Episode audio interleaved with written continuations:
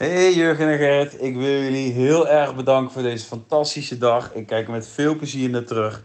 Echt heel leuk om onze eigen slimme presteren podcast launch te hebben.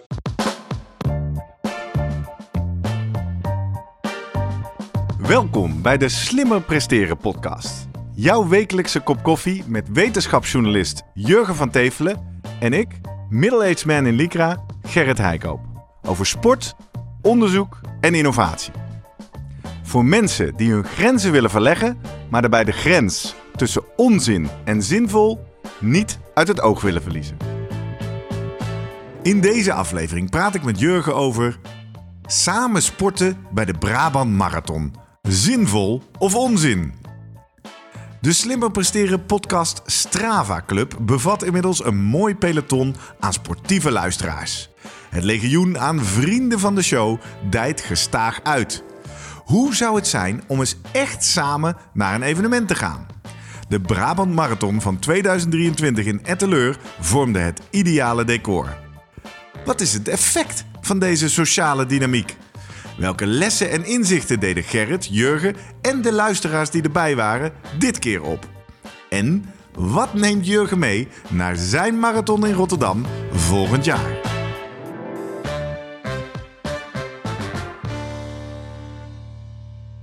Jurgen, Hey. goedemorgen. Gerrit, goedemorgen. Hey, we zitten eh, eens een keer helemaal ergens anders. Ja. Niet in de Slimmer Presteren podcast studio, maar bij jou aan de Ja, keukentafel. ik, ik kon, kon het huis niet meer uit gewoon. Nee. Zeggen altijd, het is weer vrijdag, goedemorgen. Ja. dat zeggen we tegen onze luisteraar. Het is voor ons nu dinsdagochtend. Vastgekluisterd aan mijn stoel. Nee, dat valt ook allemaal wel mee. Ja, maar, eh, twee dagen na ons avontuur in, eh, in Brabant, Ja. in Etteleur. Was keigezellig. Oh, kijk gezellig, zeker. En eh, op vele verzoek, onder andere bijvoorbeeld van eh Nienke Fotografie op eh, Instagram, @slimmerpodcast. Die eh, schreef al na het luisteren van de podcast van vrijdag ben ik toch wel heel benieuwd hoe je hebt gelopen, Jurgen. Kon je lopen op gevoel? Is je inschatting de juiste geweest? En zo zag ik eh, nog wel meer reacties van mensen die eh, benieuwd waren ja, naar de ik kreeg eh, inderdaad van tevoren wel al wat appjes. En wat, wat mensen die mij eigenlijk toch wel iets hadden. Jurgen, het, het komt goed. De meeste gelukkig. Maak je niet druk. Maar ik weet ook wel, eh, de man uit, uit Zeeland, Zeeland Running, Jos, die zei: Ja, let op, want eh, er staat veel wind en hou er rekening mee. En, eh, Er werd echt met jou meegeleefd. ja, en dat, eh, dat doet wel wat met mij, zeg maar. Eigenlijk wil ik er allemaal niks van weten. Dat ik denk, jongens, hou op. Het is gewoon, eh, laat me maar lekker anoniem mijn ding doen. En dan hoor je later wel of het wel of niet gelukt is. En natuurlijk zit er bij mij wel iets... Ik denk wel dat het moet gaan lukken. Maar op het moment dat natuurlijk iedereen zich mee gaat bemoeien... en ideeën over heeft... en juist ook, je hebt ook de groep die zegt... ja, joh, doe zo twee uur. Je moet gewoon voor de 1 uur 45 gaan. Dat, Ja, eh, kan makkelijk met ja. jouw BMI. nou ja, ja, precies. Dan denk ik, ja, en dan leg je er toch weer druk op. Dat wil ik eigenlijk helemaal niet en zo. Dus eh, het was even iets anders dan gewoon een, eh, ja, een, een, een, een anoniemer loopje, zeg maar. Het, Ja. het werd wel iets, ja. Ja, dus in deze aflevering, beste luisteraar in de toekomst. Wat je kan verwachten is eh, weinig wetenschap. Nou ja, wij gebruiken natuurlijk onze 158 le- afleveringen aan wetenschap die jij en ik bij ons dragen wel. Om wellicht eens wat vragen, inzichten te duiden. Maar we gaan vooral eh, terugblikken op ons avontuur. Jouw halve marathon, mijn hele marathon. De zevende inmiddels. Kwam er ook achter. Dit is eh, de vijfde keer al dat we gaan terugblikken hier in de podcast.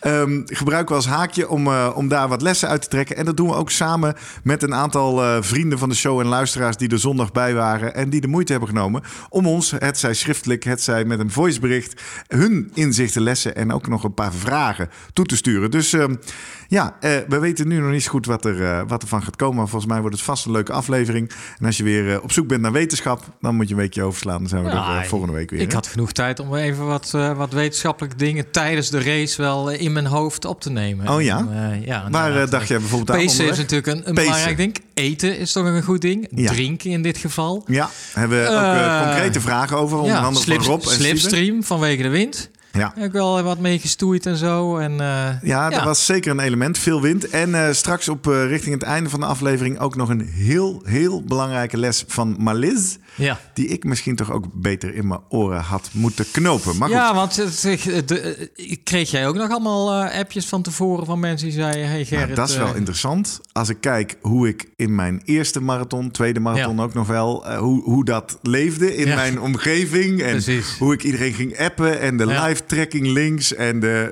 eh, support en de videoboodschappen. Dat is niet meer nu.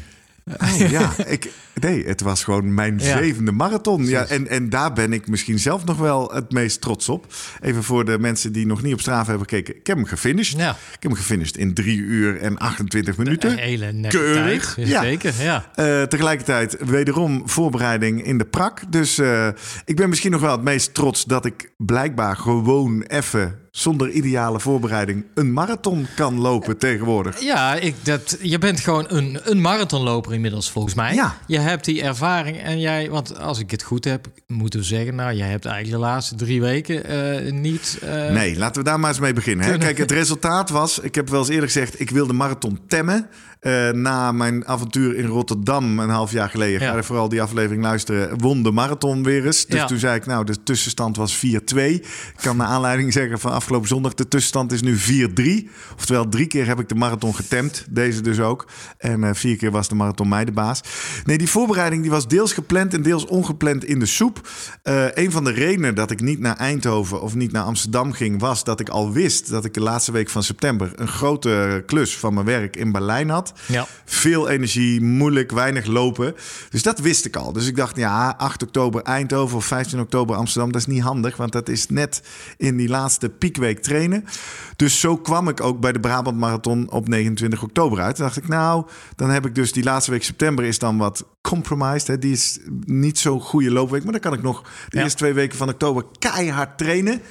En dan eh, kan ik misschien wel weer eens een poging doen om die drie uur aan te vallen. Nou, liep even anders. Ook via Strava, social media kunnen volgen dat die eerste week van oktober overleed mijn vader. En daar kreeg ik nogal een tikkie van. Ja. Ik kreeg eh, medisch gezien, los van de emotionele barrière, medisch gezien een acute stoornis in mijn evenwichtsorgaan. Een neuritis vestibularis. Wat betekent dat ik twee dagen plat op bed heb gelegen met mijn ogen dicht, omdat anders de hele wereld ging draaien.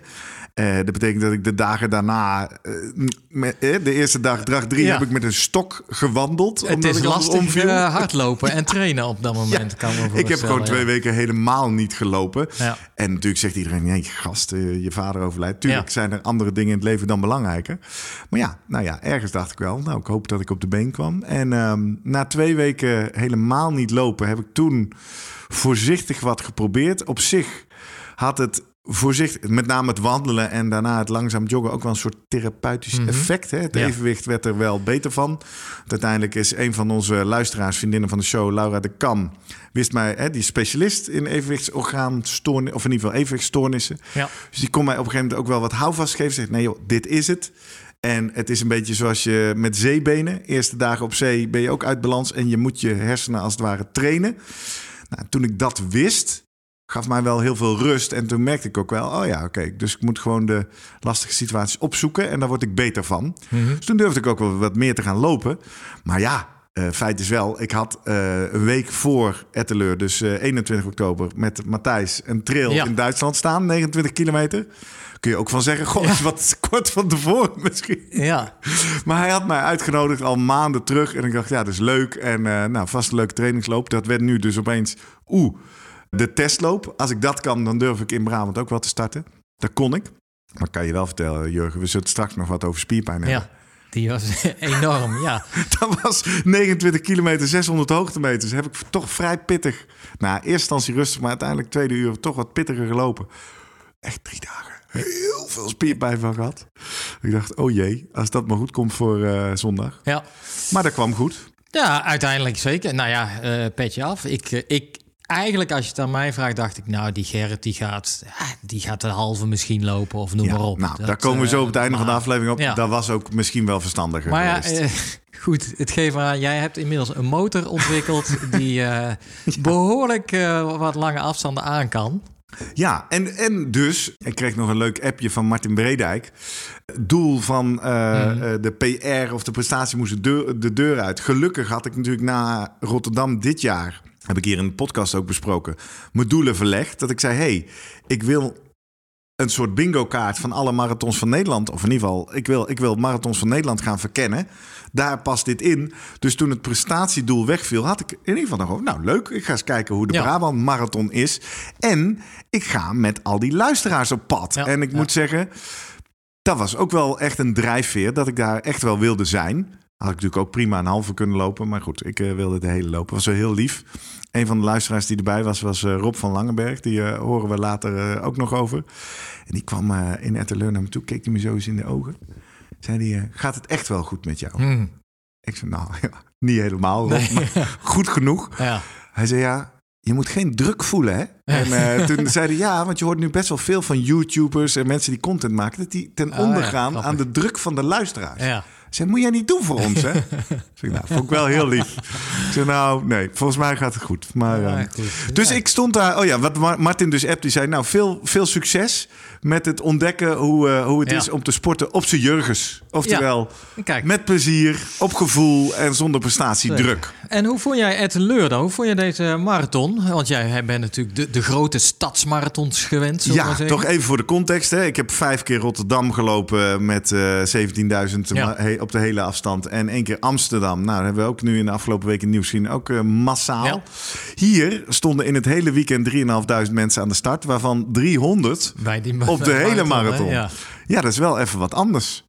Ik denk dat dat... eh, eh, Ik vond dat om, om een aantal redenen heel leuk. Eén, maar dat is weer even organisatorisch. Omdat dus kon wat hier kon. Namelijk, dat is dus ook een wat kleinere organisatie. Die zijn benaderbaarder. Ik heb Marloes en Aleta van het communicatieteam Ja. contact mee gehad. En die heb ik gevraagd. Goh, mogen wij een slimmer presteren hangout maken? En dat mocht. En er was ook ruimte voor. En nou, we hadden daar een tent en onze banners. zag hartstikke leuk uit. Ja, dat kan allemaal natuurlijk bij zo'n kleiner evenement. Daar hoef je Ja. in Rotterdam Ja. niet om te komen. Dan zeggen Nee. ze, koop maar een stand op de expo. Precies. Eh, dus dat vond ik heel leuk. Het was natuurlijk leuk dat je eh, met z'n allen in het startvak kon. Dat je geen stress had over sta ik in het goede startvak, sta ik bij de goede pacers. Er waren niet eens Nee, pacers. zeker. En tegelijkertijd, maar goed, laat ik, laat ik dat even voor me houden. Want dat, dat komt wel ook uit de Ja. verhalen van onze luisteraars. Voordat we gaan luisteren naar een aantal van die reacties, even jouw voorbereiding. Hoe was die? Mijn voorbereiding was Jij ging de eigenlijk- halve doen. Ja, we hadden het natuurlijk over eh, vorige week al. eh, Ja, welk tempo moet ik weg? kom ik uit en noem maar op. Nou, voorbereiding was eigenlijk perfect, vond ik zelf. Ik zei al, nou, ik had een keer 19 gelopen. en een 19 paar- kilometer. 19 kilometer in mijn uppie. Nou, en dan zegt iedereen, en dan in de bossen zelfs, dan zegt iedereen, oh, dan moet je die halve marathon ook wel kunnen. Want ja, dan eh, heb je de mensen om je heen. Hè? En dan, eh, ja, dan heb je de adrenaline in je lijf. Dus eigenlijk ging het heel goed. Tot, tot, tot de week zelf. Toch wel dacht ik, ja, ik ben wel eens wat snotterig. Eh, ik raakte Ik ook haalde een beetje op zondagochtend. Je was Ja. erg twijfelachtig. Ik eh, raakte toch aan de dunne en dat soort dingen. Dus, nou ja, was het spanning? Maar was het toch een of ander eh griepje Virusje wat mogelijk? rondgaat. Ja. Nou ja, en dan, komen we daar ook wel op. En die de hele appgroep gonste het ook van mensen die zo bezig waren met die Brabant Marathon. En dan dacht ik, ja, hallo, hou eens op, doe eens even normaal. Maar ik snap ook wel, de, ja, de, de grootste groep ging de hele marathon lopen. Ja, Nou. daar, heb je me al een paar keer uitgelegd. Dat is echt even wat anders, Jurgen. ja. Maar aan de andere kant dacht ik, ja, nee, op deze manier. eh, Het het is meer dan eh, gewoon maar eens, ja, een wedstrijd die ik wel van de, Driebergen loop bij wijze van. die Ja, ja, waar je gewoon even naartoe gaat Ja, op de fiets. Ja, ja, ja. we hadden dus een WhatsApp-groep met in totaal 28 mensen. Niet allemaal even actief. En daar werd voorpret gedeeld, daar werden zenuwen gedeeld, daar werden vragen gedeeld. Ehm, laten we eens wat luisteraars aan het woord. Want wij, ik doe een hele, jij doet een halve. Maar het leuke was, het doel van de eh, Brabant Marathon is net zoals bijvoorbeeld bij de Uilentorenloop. Mhm. 1 juni 2024. eh, om zoveel mogelijk mensen in beweging te Ja. krijgen. Dus je kon ook een 10 kilometer doen, je kon ook een 5 kilometer doen, je kon ook een kidsrun, een family run doen. Door een later race op zaterdag. Rollatorrace Ja. op zaterdag, wandeltocht, fietstocht. Dus als, kortom, iedereen in de omgeving van Etteleur, kom in beweging. Dus, eerste leuke reactie die ik wil meenemen was van Mariska uit Wageningen. Die ging de 10 kilometer doen. En eh, de 10 kilometer, eh, Rob ging dat ook doen, Jacques zou dat ook doen. Jacques heeft uiteindelijk door omstandigheden helemaal niet gelopen, maar kwam wel langs voor de koffie. Dus dat was sowieso leuk, die was even in onze hangout.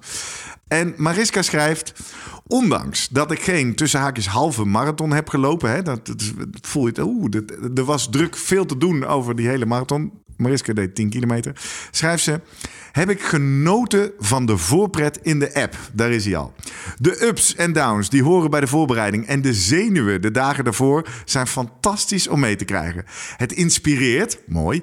om zelf ook weer te gaan trainen... voor een halve of een hele marathon. In Etteleur hing in de hangout, onze, onze lounge, zeg maar, een ontspannen sfeer. Leuk om elkaar in real life te ontmoeten en elkaar aan te moedigen in het startvak. Zo is een individuele sport toch heel sociaal. Hartelijke goed. Mariska. Helemaal mee eens. Ja, Ja, leuk, vooral de- die laatste zin. Hè. Het, het wordt een sociaal eh, evenement op deze manier. En eh, ja, nou ja, ik, ik vind het wel grappig hoor. Want als mensen inderdaad... Ja, je leert elkaar ook wel kennen eigenlijk door eh, de manier waarop mensen natuurlijk reageren of eh, posten in die appgroep. Ja. Dan merk je meteen, ah, die is wat extraverter, die is wat introverter. En, eh, Dit is de, de man deze is wat onzekerder waarschijnlijk. Als mensen foto's gaan laten zien van wat ze aan het eten zijn en, en wat ze ingeslagen hebben. En als iemand komt op woensdagochtend, heb jij dat nou ook dat je ineens pijntjes gaat voelen en denkt. Overal, Ja, ja, in je knie en daarop gaat drukken en denkt, nou, daar zit toch niet iets. En nou ja, goed. Toen ehm, dacht ik van ja, oké. Dus dan. Nou ja, je had natuurlijk nog een smoelenboek even gemaakt, foto's gevraagd aan iedereen. En dacht ik, ah ja, zo leer. Ja. Dus van tevoren, je hebt al wel het idee, ik ken deze groep. Een beetje in ieder geval. En dan zie je ze inderdaad op, op zondagochtend. Ja, is ook wel weer heel relaxed. Want, Ja, hè? want het is heel Ja, bekend. Een bakje ergens. koffie erbij. Ja, zeker. Ja, gedeelde passie. Leuk, eh, want de titel van deze aflevering hebben we natuurlijk gemaakt... eh, Sociaal sporten, samen sporten, zinvol of onzin. En dat komt een beetje door het verhaal van Ronald. Ronald van der Bok uit Goederee. Die kennen wij van de honderdste aflevering... en de uilentoren lopen. En, eh, nou, die zien we al vaker in onze community. Leuke vent. En... Ronald die sprak ik ook bij ons bakje koffie voor de wedstrijd. Hij ging de halve doen. Hij was er al, s ochtends vroeg. Hij heeft lekker met jou, eh, want jullie moesten twee uur wachten. Hè? Ja, wij Lekker wachten pas met jou daar gezeten. Nou, Ja. om acht uur hier opgehaald. Dennis Gerrit. Schipper deed dat trouwens ook. Die was, Ja. eh, die was ook eh, al vroeg.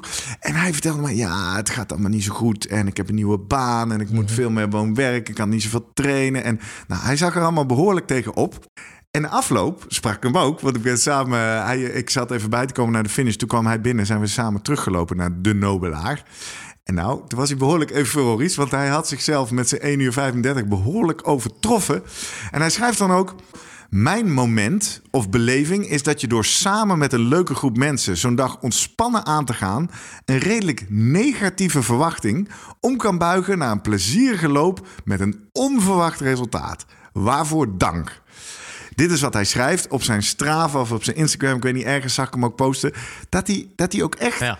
zijn verwacht, onverwacht betere prestatie hangt aan het feit dat het zo relaxed was en dat hij gewoon vrijuit kon lopen. hè? Ja, ja, nee, maar ik- de- je hebt een afspraak nu ook, hè? Van ja, je hebt je helemaal opgegeven, je zit in die appgroep. Ik, ja, stel dat je dat allemaal niet hebt, dan zou je bij wijze van spreken ook nog kunnen zeggen. En het ging regenen, het was niet zo fijn weer. Van nou, laat maar zitten, eh, wie, niemand gaat mij missen. Dat is natuurlijk nu al anders. En eh, nou ja, en dan, dan kan het dus inderdaad dat je. Ja, wat ik zelf inderdaad merkte, juist ergens, het is het dubbele, vind ik. Je wil eh, je in je upje goed voorbereiden. Je wil gefocust zijn. Ja, want ergens noem is het ook afleiding. Ja. Hè?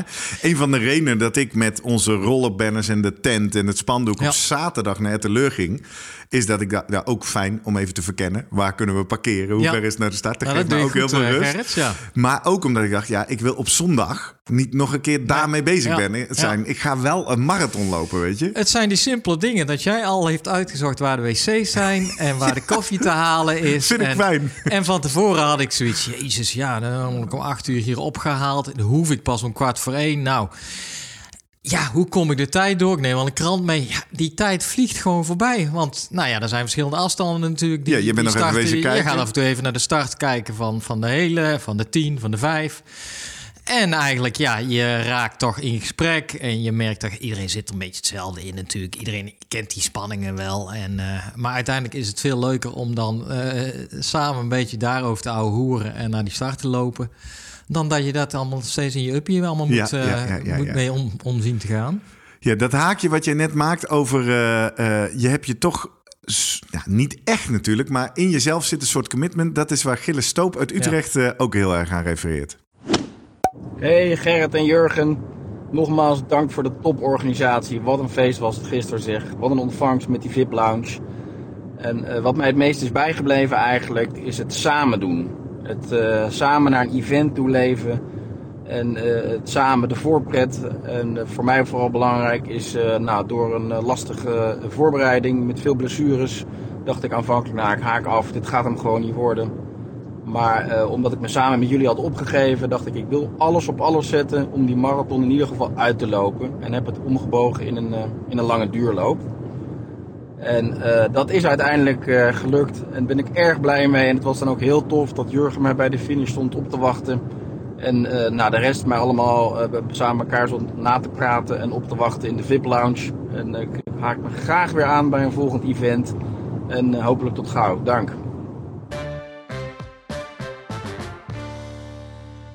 Ja, ik geloof dat Gilles wel twee keer heeft aangegeven. Ik ga niet starten, maar hij was er wel. Hij liep keurig. Uh, oorspronkelijk had hij een keer geappt. Ik wil voor de vier uur rondgaan. Nou, hij liep daar nog uh, vier minuten onder. Een mooie vlakke race, heel beheerst. Niet geblesseerd.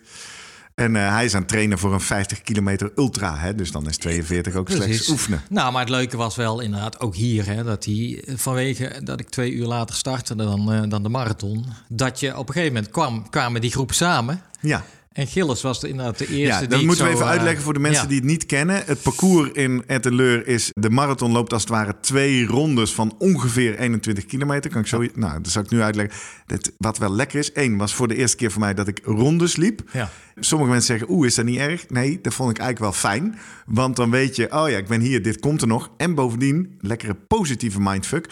De eerste ronde was eigenlijk wat langer dan de helft. Want uh, we starten in Etteleur Centrum en dan gaan we naar het zuiden, naar de natuur en de polders rondom de Pannenhoef. Uh -huh. En dat betekent dat we dat stukje in het centrum doen we in de tweede ronde niet. En daarom hebben ze in de eerste ronde twee extra loopjes die je in de tweede ronde niet, hoeft te doen. Ja. Dat is lekker. Dan voelt dat toch als afsnijden. Dan denk je, oh, zijn we nu al hier? Dat was fijn. En wij starten met de hele marathon dus inderdaad twee uur eerder. Dus dat betekent, een beetje afhankelijk van je tempo... dat inderdaad op een gegeven moment in je tweede ronde... komen die halve marathonners langs. Uh, want de snelle halve marathonners komen je dan inhalen. Ik heb daar wisselende berichten over gehoord. Ik vond dat zelf wel oké, okay, want bij mij... Ik heb alleen echt de snelle gezien, weet je wel. Dan is het Mhm. snelheidsverschil ook zo groot. Ja. Dat vond ik alleen maar mooi om dat te zien. Ik heb volgens mij ook, ik weet niet meer wie het zei, maar iemand gehoord die had daar toch ook wel een beetje last van. Die zei, ja, is toch wel irritant. Ben je aan het lijden en dan komen zo van die mensen langs die nog veel frisser zijn. eigenlijk. Ik uh, herken me daar wel in, omdat juist er waren plukjes toeschouwers. Dat is natuurlijk niet geen. Nee, nee het was geen Rotterdam met drie rijen dik. Uh, Iemand zei later, ja, dat is een soort Kralingse Plas idee ga je, uh, heb je nu al meegemaakt, Jurgen? Want daar is dan schijnbaar... Oh ja, daar is het ook vrij rustig. Ja, is het ja, ineens ja. rustig. Ja. Terwijl ik juist denk, nou, ik vond het al heel wat... als er ineens weer een, een plukje mensen uh, die, vond ik wel heel enthousiast waren... Uh, langs de kant stonden. En ik reageer dan altijd en zo. Maar ik was natuurlijk heel fris. Dus ik ik had bijna iets tegen, dat ik tegen die mensen wil zeggen... ja, sorry, maar ik loop slechts de halve, hoor. Dus, maar deze mensen hier achter me, die lopen de hele. Dus die hebben het harder nodig. Ja. Dat, daar ben ik helemaal mee eens. Want het, ja, je ziet het er meteen aan af. Hè, of de ene, eh, of je een halve loopt, of Ja, een ja, dat, zie je is wel. Zeker eh, als jullie langskomen ja. als halve, want dan zit de rest al in zijn tweede ja, rondje. Ik vond, eh, ja, het is natuurlijk wel weer fijn, want het gaf mij weer wat vleugels om Ja, mensen jullie kunnen natuurlijk naar mensen toe lopen. hè? Je loopt de hele tijd naar rug toe. Ja, Ja. dat is wel lekker. hey, nog één, want we hebben nu iemand van de tien, van de halve, de hele gehoord. Maar ehm, we hadden ook nog een vijf kilometer. Er was één iemand in de groep dat, die dat deed. Dat was Carlo, bijnaam eh Caballo, Caballo, denk ik, hè? dubbel L, uit Oosterhout. Dat is ook wel een bijzonder verhaal. Die troffen wij een paar weken terug al. Die is vroeger heel sportief geweest. Maar die heeft eh, door ziekte ontzettend heftig jaar uit de, eh, achter de rug. Maand of zes geleden lag hij letterlijk voor eh, dood. En hij was dan in die WhatsApp-groep, hij was het feestnummer. Hè? Hij zat de boel op te naaien en grappen te maken. En ik, hij postte nog, volgens mij op zondagochtend toch. Ik twijfel nog tussen welke schoen ik aandoe. En dan had hij zijn, zijn zwemflippers naast, hè, want het zou gaan regenen naast zijn schoenen staan. maar Carlo heb ik niet meer gezien. Nee. En ik was wel nieuwsgierig naar Carlo. eh, grappige kop op die foto. Hij stuurde het volgende WhatsApp-bericht. Zondag was voor mij een raar en emotioneel moment, blijkt nu. Ging er open in en wou ook bij de groep SPP aansluiten. Helaas klapte ik dicht en dacht alleen maar aan het feit: ik wil levend over de finish komen. Het is gelukt, ik herstelde overigens snel met uitzondering van de emotie. Dat ik zes maanden geleden nog lag dood te gaan en nu gewoon weer aan het lopen ben. Puntje, puntje, puntje. Enfin, leuk feitje is dat dit eigenlijk mijn eerste 5 kilometer wedstrijd was. Haha, dus die kan ik ook weer bijschrijven. Op naar de halve van Egmond. Groetjes, Caballo. Ja, jammer dat ik hem niet ontmoet heb. Eh, Ja. Carlo, ik hoop dat het eh, in de toekomst nog een keer gaat gebeuren. Maar echt wel een bijzonder verhaal.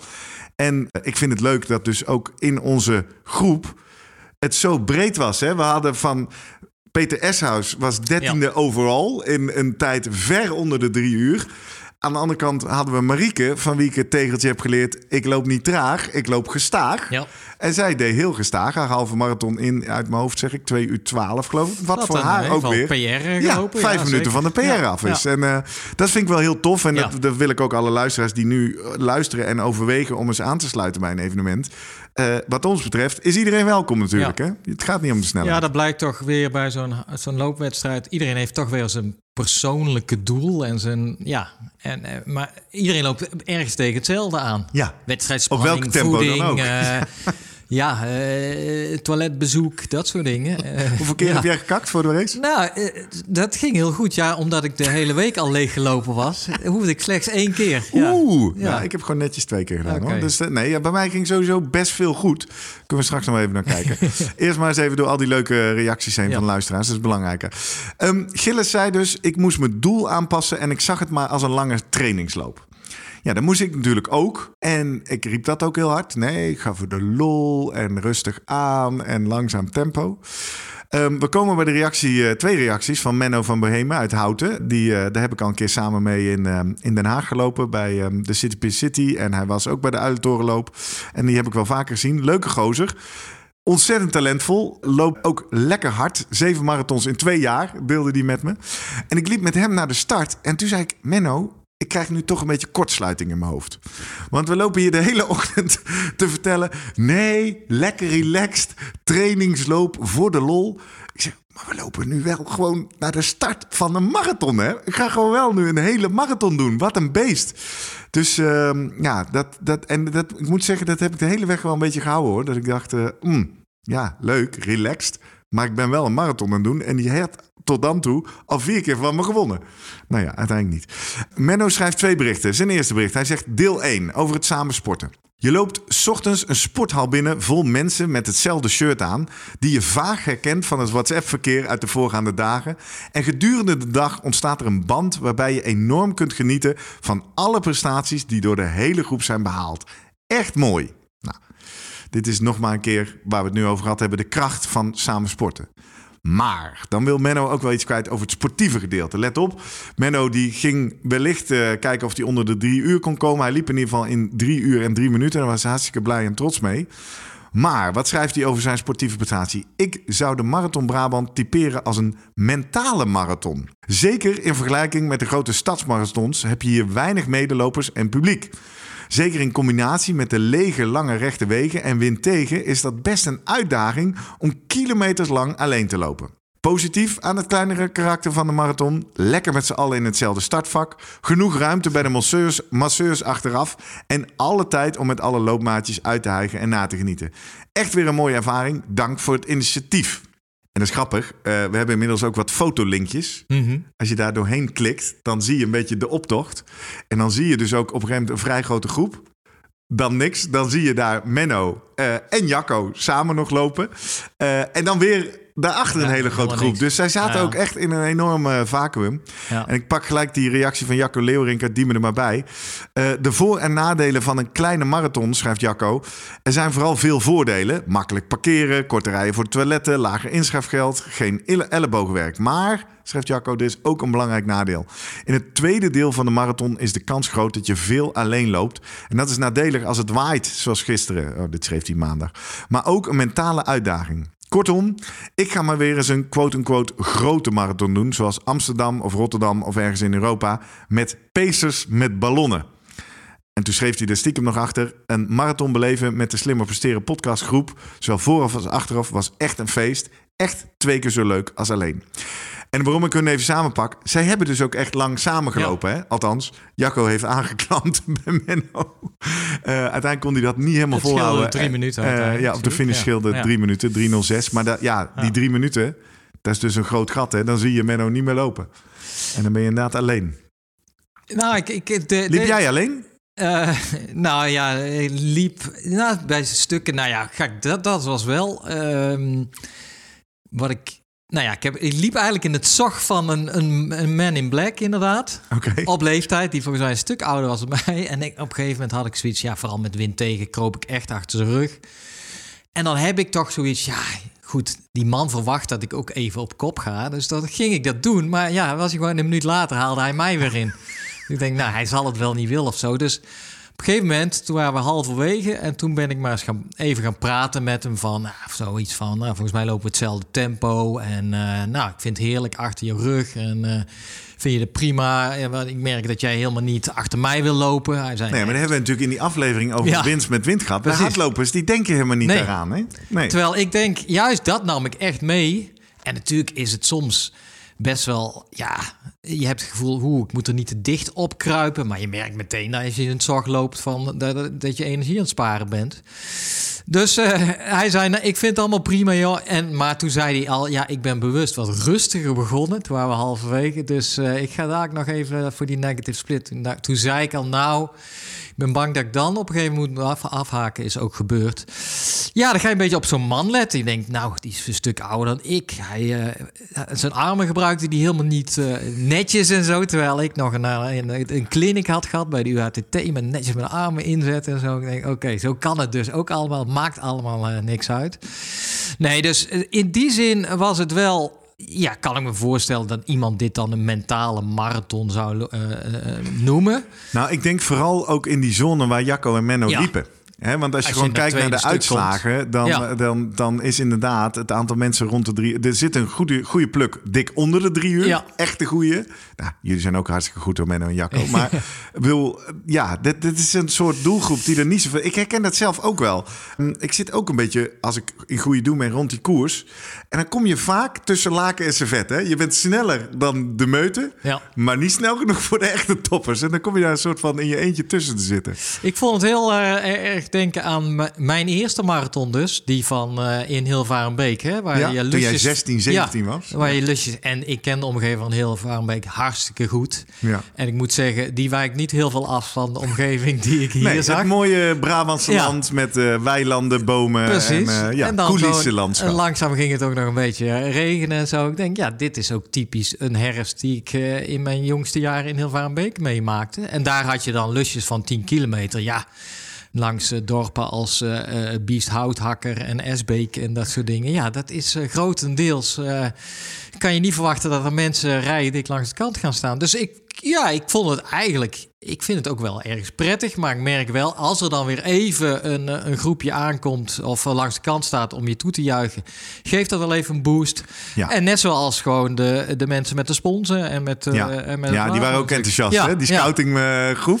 Ja. ja, heel leuk. Dus dat was... Uh... Ja, ik had ook wel een dingetje, hoor. Want um, het parcours lag dus... We, we, we vertrokken in Etteleur en dan gingen we naar het zuiden. Het, eigenlijk was het soort vier... De, de, het was een soort langgerekte ronde naar het zuid... en dan weer terug naar Etteleur, naar de A58.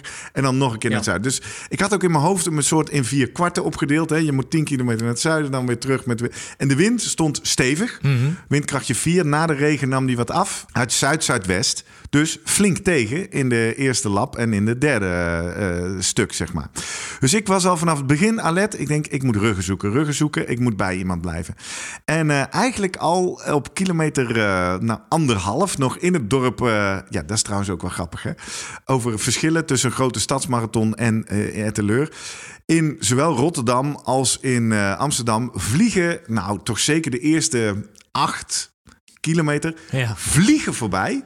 Omdat je eigenlijk alleen dan nog maar bezig bent met die meute. Ja. Met een plekje zoeken. Met niet tegen iemand aanlopen. Met mensen inhalen. Met uitzoeken waar je wil lopen. En pliep, pliep, pliep, pliep, pliep, pliep. De kilometers vliegen voorbij. In Etteleur denk ik dat wij binnen een kilometer ja. lag het een beetje Precies. open en had iedereen ruimte. En dat ik dacht, oh, dit is pas kilometer één. Ja, ja. Nou, bij kilometer anderhalf uh, vond ik een, uh, een lange meneer met een aantrekkelijk shirt. Run for Climate stond er achterop. En uh, dat zijn die, um, die global warming stripes. Je kent misschien wel de grafiek met de gemiddelde temperatuur per jaar. Dat gaat zo van donkerblauw naar lichtblauw van een afstandje lijkt het een Nederlandse vlag. Maar het is natuurlijk om aan te geven dat de gemiddelde temperatuur per jaar uh, standaard stijgt. Ja. Run for Climate heette die. Ik zag natuurlijk alleen maar zijn rug. Flinke lange man. Ik denk, hier moet ik achter zitten. Nou, prima. Dus wij naar buiten, ik erachter. En uh, precies wat jij zegt, vind ik ook echt lekker. Als dan die wind tegenkomt. Dat je net als op de fiets, dat je aan je schouders de rafelrandjes van het Ja. zog voelt. Ja. Toch? Een beetje Ja. zo wapperen. Dat ik denk, oh, ik heb hier echt veel plezier van. Dus um, ik kan lekker erachter zitten. En toen gingen we op een gegeven moment uh, bij vijf kilometer ongeveer linksaf. En toen opeens schoot hij naar de berm, moest hij pissen. Ik denk, ah, kak. Nou ja, oké, jammer dan. Uh, ik een beetje vooruitkijken. Toen zag ik nog iets verder voor me. Ook een grote gozer. Achteraf, uh, Jelle bleek dat te zijn. Jelle, jonge gast uit Etteleur. Volgens mij misschien wel zijn eerste marathon. Leid ik een beetje af aan hoe zijn vrienden hem later stonden aan te moedigen. Nou, Jelle ging ook wel... Oh ja, maar dat is interessant. Run for Climate Man ging eigenlijk net iets te hard. Ja. Want ik had bedacht, ik wil vijf minuten, vijf seconden per kilometer lopen. En ik merkte al, Run for Climate zat op vijf minuten, net iets te onder. Maar ik denk, ja, maar ik heb zoveel voordeel van uit de wind zitten. Ik doe het toch maar. Eerste onverstandige keuze natuurlijk. Nou, toen dacht ik, weet je wat? Ik ga achter uh, Jelle zitten. Die is ook lang. En uh, toen gebeurde ook wat grappig. Jelle, de, prima, die was helemaal niet mee bezig. Dus ik zat erachter. En dan, uh, we hadden op dat eerste stuk had je zo'n heel lang stuk rechtdoor naar het zuiden. Mm-hmm. En ik netjes achter Jelle. En ik, ik hoorde wel dat er langzaam... Er kwam iemand bij me. En ja, ik ging natuurlijk niet achterom kijken. Dus ik dacht wel, nou, volgens mij worden we goed. Je merkt ook aan dat weinige publiek wat er staat. Als hij dan begint te klappen, denk ik, nou, die klappen niet alleen voor Jelle en mij, toch? Dus op een gegeven moment zie ik zo uit mijn ooghoeken. Kijk ik rechts. Hey, Run for Climate is terug. Fijn. dus die kwam, uh, die kwam er ook weer bij. Nou, daar koop ik ook mooi achter. Had ik twee van die lange mannen. Maar op een gegeven moment bij, uh, bij die, die Haakse bocht... waar we de pannenhoef in gaan... Ja. keek ik keer achterom, ging ik even snel tellen. Waren we inmiddels met 14 man of zo. Dus Jelle, die dacht dat hij alleen liep. Ja. Maar liep gewoon een slinger van 14 man uit de wind achter Jelle en mij. Ik zat in tweede, op een gegeven moment derde positie. En toen, uh, nou, wij lopen, lopen, lopen. Maar uh, uh, nadeel. Hè? Wat is altijd een tip? Dag voor de wedstrijd. Beetje extra drinken. Hè? Niet alleen stapelen, een beetje extra drinken. Dus ik had zaterdag aan flink aan de thee gezeten. En s ochtends ook nog, maar misschien iets te veel. Dus ik voelde al een tijdje aandrang. Ik denk, misschien gaat het wel weg. Op kilometer 14 dacht ik toch, nee, ik ga, ik ga even de blaas legen. dat is er ook weer gewicht eruit. Ik ga even pissen. Nou, hoppakee. Ik uh, pissen uh, duurde dan ook, duurt dan altijd lang hè, als je nodig moet. dus al die gasten, ook die hele groep van 14 was inmiddels wat uit elkaar geslagen. Maar die, uh, die haalden mij allemaal in. En toen zaten we natuurlijk op nou, 13, 14 kilometer. Dus dat was in een stuk wind mee. Mm. Terug naar richting Etteleur. En toen dat is een beetje dat open polderlandschap. Dus toen ging ik weer het parcours op en toen zag ik Run for Climate nog lopen. Toen moest ik natuurlijk een keuze maken. Dacht ik, ga ik nu mijn eigen race, mijn eigen tempo lopen? Of nee, ik dacht nee, hij is mij wel wat waard. Want straks hebben we weer wind tegen. Ik dacht, ik ga er naartoe. Dus toen heb ik ik denk kilometer, anderhalf kilometer, 4 minuten 30 Zo, gelopen nou. om naar hem toe te gaan. 20, 25 watt te veel.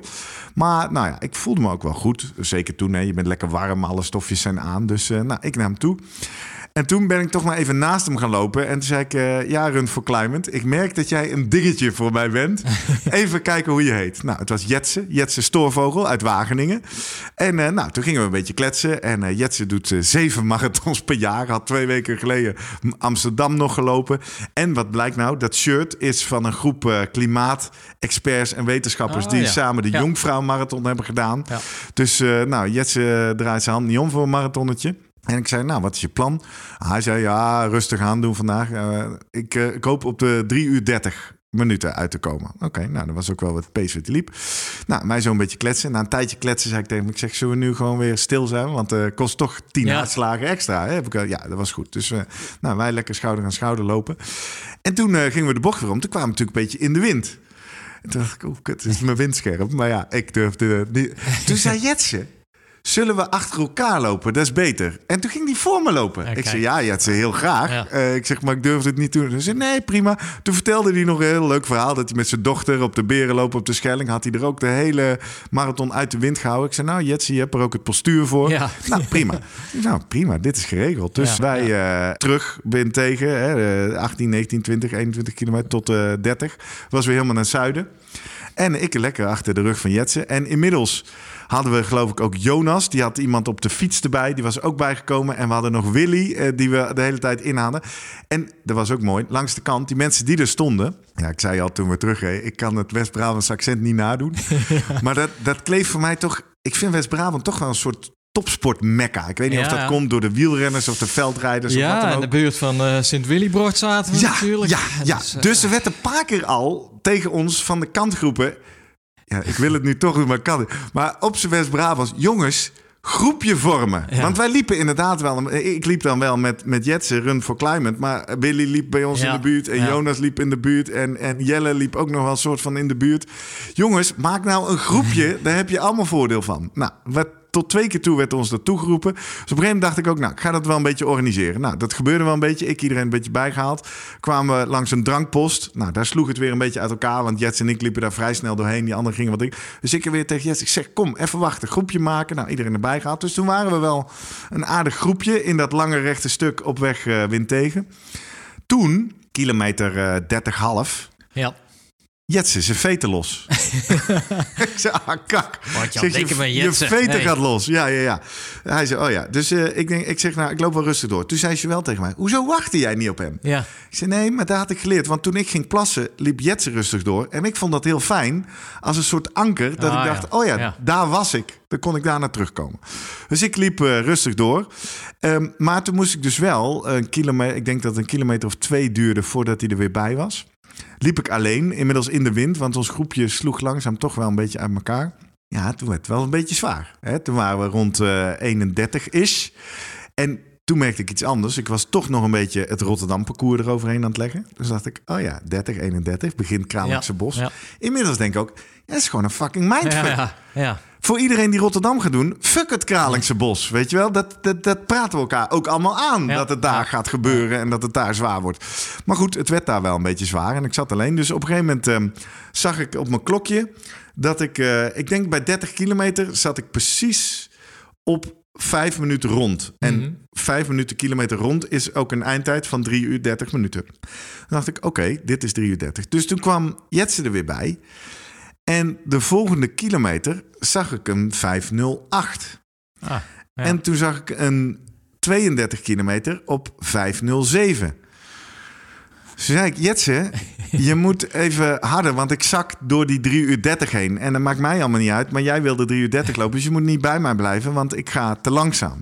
Jetse werd denk ik ook een beetje moe, want Jetse zei niet meer zoveel. En wat ik wel merkte, is dat Jetse het niet deed. Dus die bleef Ja, gewoon... We hadden inmiddels wind mee, dus we liepen weer schouder aan schouder. En eh, hij, hij bleef bij mij lopen. Dus eh, ik weet niet, op een of andere manier denk ik... omdat ik het gezegd had... of omdat ik een soort iets, iets terugvoelde naar Jet... ik weet niet. Maar op dat moment ging bij mij een luikje open... en ben ik gewoon eh 10 seconden per kilometer harder gaan lopen. Ja, ja. En Als- werd kilometer als Jets het niet, wil, als Jets het niet doet, dan doe ik het zelf wel. Ja. Dus toen werd de volgende 33 werd 4,55...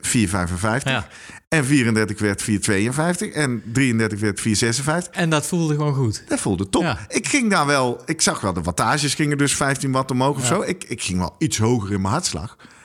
Maar ik, voel- ik voelde, en, en het leuke was, Jetsen komt met mij mee. Ja, dus ik voelde me ook Nou, wel. Heb je wat teruggedaan? denk, goh, ik kan wat terug doen voor Jetsen. Ja. En toen kwamen we bij 36. En toen kon ik dit nog steeds. En toen kwam er wel een soort euforie. Ja. Toen zei ik tegen Jetsen, ik zei, potverdomme Jetsen, we, we gaan het gewoon flikken. Ik ga helemaal niet instorten hier. Sterker nog, ik ben noodmede aan het versnellen van Want die- 32 ja, tot Want 37. die angst die zat er dus wel bij jou nog steeds in. Van, oh jee, tussen 30 en Zeker. 37. Wanneer komt de, Exact. de klap? Wanneer Ja. komt de klap? Ik had die week daarvoor nog aan Matthijs uitgelegd. Hè, bij die trail, 29 kilometer. Eh daar ging hartstikke goed tot 26 Ja. kilometer. En die laatste 23 was gewoon leien. Van dat je denkt, ik ben er eigenlijk wel klaar mee, maar ik moet nog door. Ja. En toen zei Matthijs ook tegen mij. Hij zei, ja, ik ben best nieuwsgierig naar eh, de marathon. Hij zei, maar dat gevoel lijkt me niet fijn. Ik zei, ja, maar dat komt altijd in een marathon. Als je pech hebt, komt het al bij 30, 32. En als je geluk hebt, komt het bij 37 of 40. Maar het kan dus helemaal... Het, het Nou, het is wel komen. gekomen. Het Ja. kwam bij mij bij 40. Maar goed, dan als je op kilometer eindsprint 40 bent, dan denk je... Ja, hallo, dit, dit redden we wel. Dat was wel leuk. Jetse, die liep dus al voor de negende keer in Etteleur. En die zei ook, die had toen we nog aan het kletsen, Jet, kletsen met Jetse. Ja.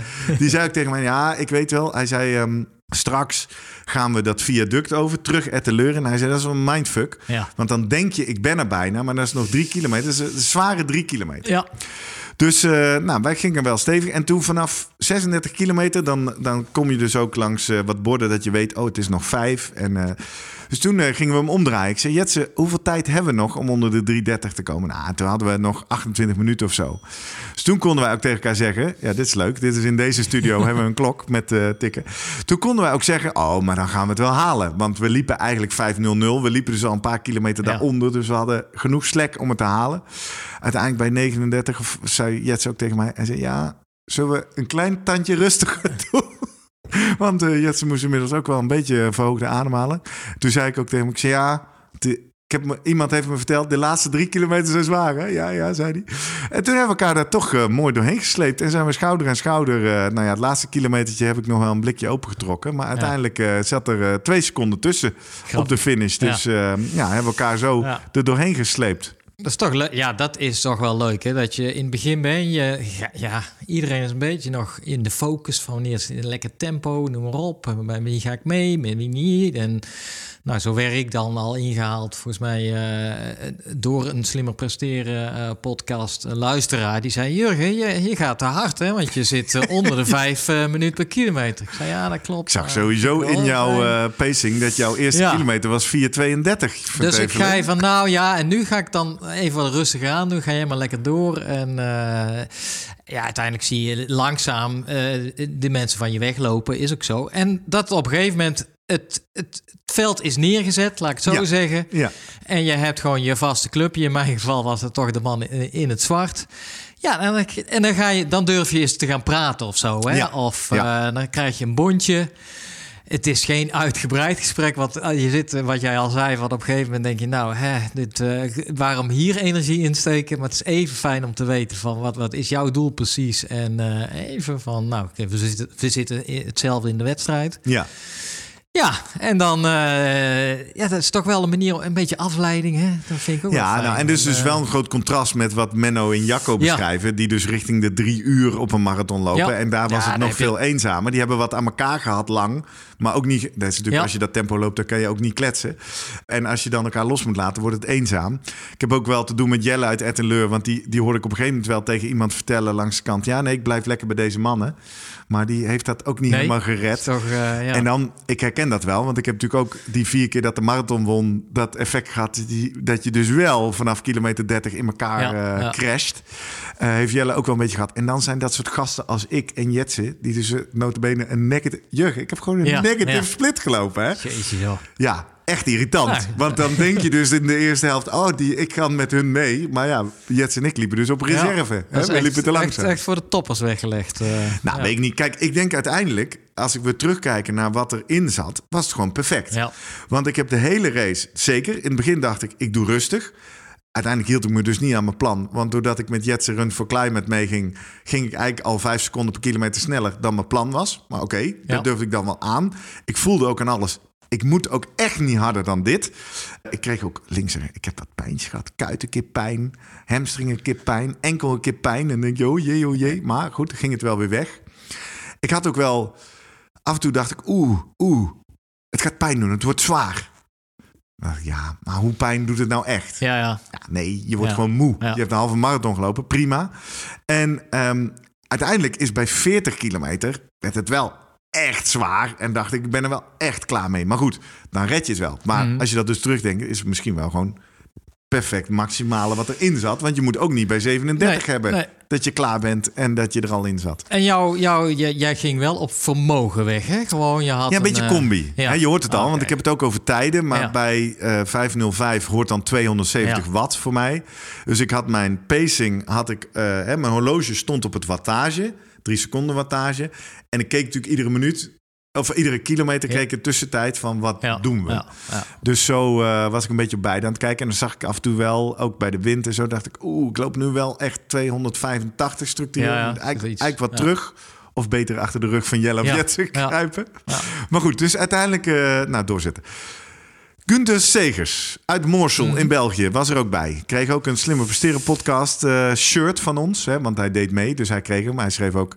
Ik ga vanaf nu nooit meer zeggen dat Hollanders vrekkig zijn. Dankjewel voor het shirt. Sowieso best wel wat Belgen onderweg ook gezien. Hoor, met een loopclub. Ja, flauwe grap is natuurlijk uh, dat Etteleur ja. bij Vlaanderen is. Um, Gunther heeft ook een uh, voicebericht achtergelaten. Dag Gerrit, ik ging in Etteleur voor een PR. Maar toen op kilometer 30 zwaar verval optrad moest ik dit al snel bijstellen. Ben toch blijven strijden en vechten en uiteindelijk nog gefinished amper 10 minuutjes boven het doel, maar vooral met een super tevreden gevoel.